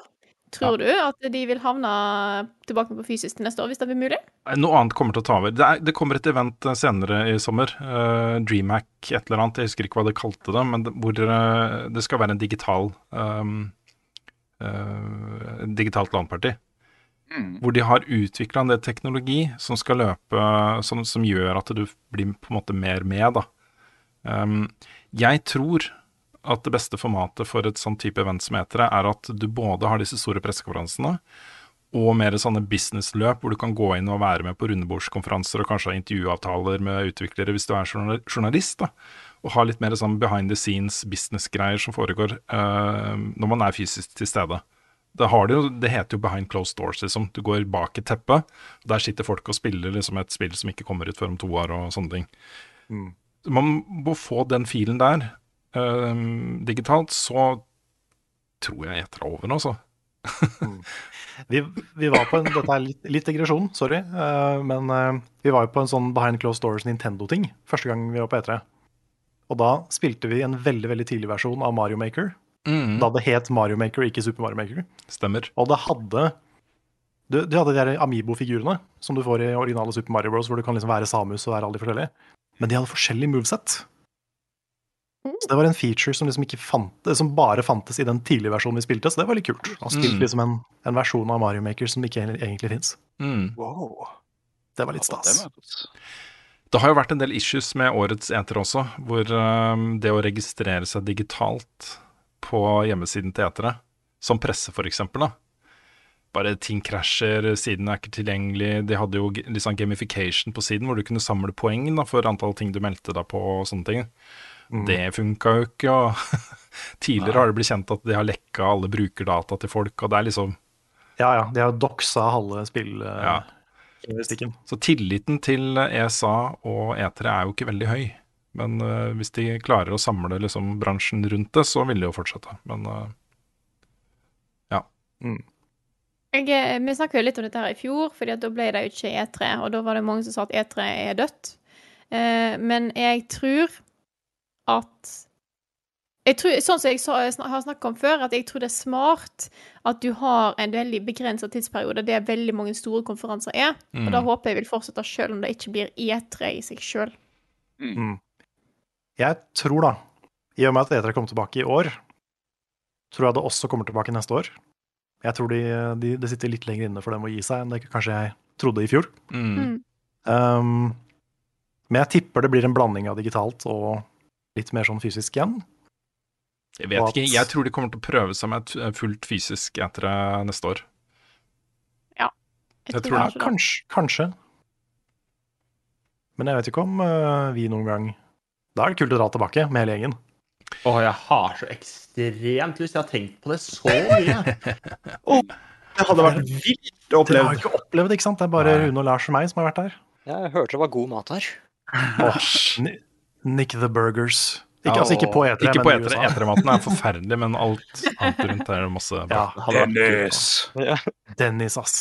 Hvis du er en rik onkel, send oss en mail. Altså, legit, jeg drømmer med jevne mellomrom at jeg er i USA og spiser maten. Mm. Oh. Sjøl jeg har prøvd eh, Dennis i Canada, og mm, I can testify. Ja, det er skikkelig trash, men det er bra trash. Det er skikkelig bra trash. Ja. OK, jeg tar neste spørsmål her, jeg. Mm. Eh, Fra X Smedefeet skriver Tror dere vi kommer til å høre noe fra Moon Studios i løpet av E3? På Twitter har noen i teamet sagt at de jobber med et RPG. Men er det for snart etter Will of the Wisps til å få nyheter? Mm. Det kan jo være komme en liten teaser, da. Det er ikke så lenge siden. Det er Det er Microsoft. altså alt, eh, alt Det er Moon. Studios kommer med, sluker jeg rått. Så da er det ikke et problem, da. Det kan fort Mm. være at de har Fordi jeg, jeg, jeg Det har jeg sagt mange ganger nå også, men jeg, sier det igjen. Jeg tror Microsoft kommer til å virkelig stå der og hamre løs på stortrommene på sin pressekonferanse. Ene etter det andre. Dette kommer, og dette kommer, og dette kommer, og exclusive, exclusive, exclusive, world exclusive. Hele pakka, liksom. Og en sånn ting, da. Det neste, en liten teaser fra det neste spillet til skaperne av Ori eh, er liksom feel good, da. Jeg, jeg tror nok hvis det er noe som eksisterer her, så har de lyst til å vise det fram. Mm. Jeg er litt redd da, for at de har vist for mange spill for tidlig. Sånn som Perfect Dark og Fable og Det er sikkert ganske mye der som er langt unna. Mm, ja, jeg vet ikke hvor langt unna er. Konseptuelt så er liksom Perfect Dark eh, ganske sterkt ut allerede. Selv om det var Ja. eh, CGI og sånt. Men har folk, husker folk at Perfect Dark det var et spill hvor liksom du ble kompis med en alien som het Elvis. Og Sassy Alien. Det er ganske annerledes serie enn det man kanskje tenker Mm. at det var. Ja, det spillet som kom til første Xboxen, eh, var jo mindre Ja, Det har er ikke spilt. Nei, det Men det første var, bra, for det var ganske sånn nuts. Mm. Rar, rar serie. Mm.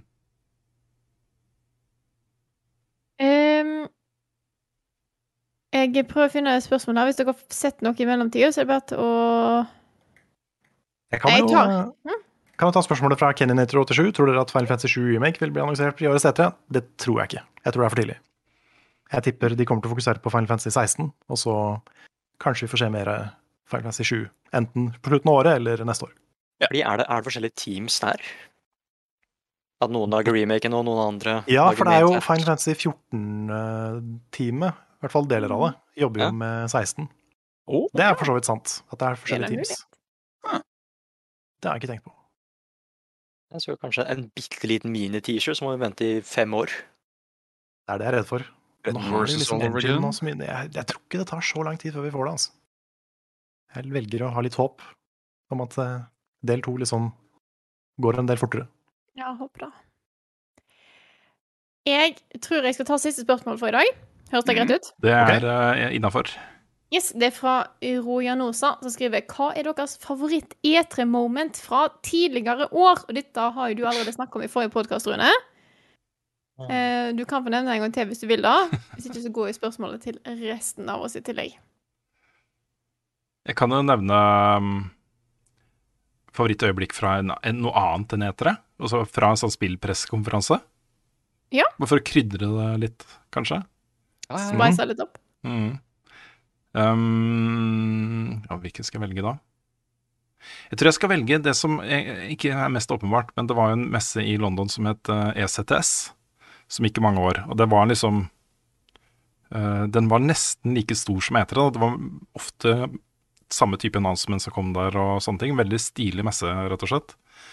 Men dette var jo da sommeren før det første Battlefield kom ut så hadde jeg med han Patrick Søderlund, som da var liksom sjef for det spillet, til um, eh, historisk, eh, krigshistorisk museum i London. Og vi gikk rundt og så kikka på gamle fly fra andre verdenskrig og sånne ting. Det var en så utrolig fin opplevelse, fordi de var jo, de var jo ikke superstjerner ennå. De var ikke kjøpt opp av EA, det var et lite svensk selskap som eh, kanskje hadde skutt gullfuglen med et nytt konsept, liksom. Jeg husker det som en sånn spesielt fin reportasje og eh, samtale om, eh, om et spill. Det, det var eh, veldig, veldig fint også. Det har, det har jo skjedd mye kule ting. Jeg tror kanskje jeg må se Breath of the Wild for to år siden. Altså. Mm. Breath of the Wild 2. Ja. Jeg har jo snakka om mitt før, så det er kanskje ikke så overraskende, men det var jo det å sitte i salen. E3 2015, når fuckings Final Fantasy 7 Remake ble, ble kunngjort for første gang. Det brølet fra salen. Jeg har aldri hørt noe sånt før. Det var, det var sånn helt sånn det bare skylte over meg som en sånn der eh, flodbølge av hype. Det var helt sånn, det, det Stemninga der var bare helt crazy. Jeg har fortsatt det derre Litt i, veldig i Når du bare Ja. Men det er, sånn, det, er, det er den ene gangen i livet mitt jeg har gjort sånn. Ja. Har Du ikke hadde liksom ikke på ting. Nei. Jeg, Det var jeg, bare jeg har liksom- ikke sånn masse mimikk i ansiktet når jeg reagerer på ting, men det, det er den ene gangen det skjedde. Den tok deg. Mhm. Jeg lurer på om min personlige sjøl var når vi fikk vite hva Sekiro var for noe. Ja. ja. Vi fikk liksom den teaseren Shadows Die Twice, og så fikk vi endelig se gameplayet med Resurrection Mechanic og alt det der, og da var det sånn Åh, FromSoft prøver noe nytt! og det um, Det er det som kommer fram, i hvert fall. Jo, og så lurer jeg på faktisk på om eh, om eh, det kanskje òg var den eh, teaseren til God of War, faktisk.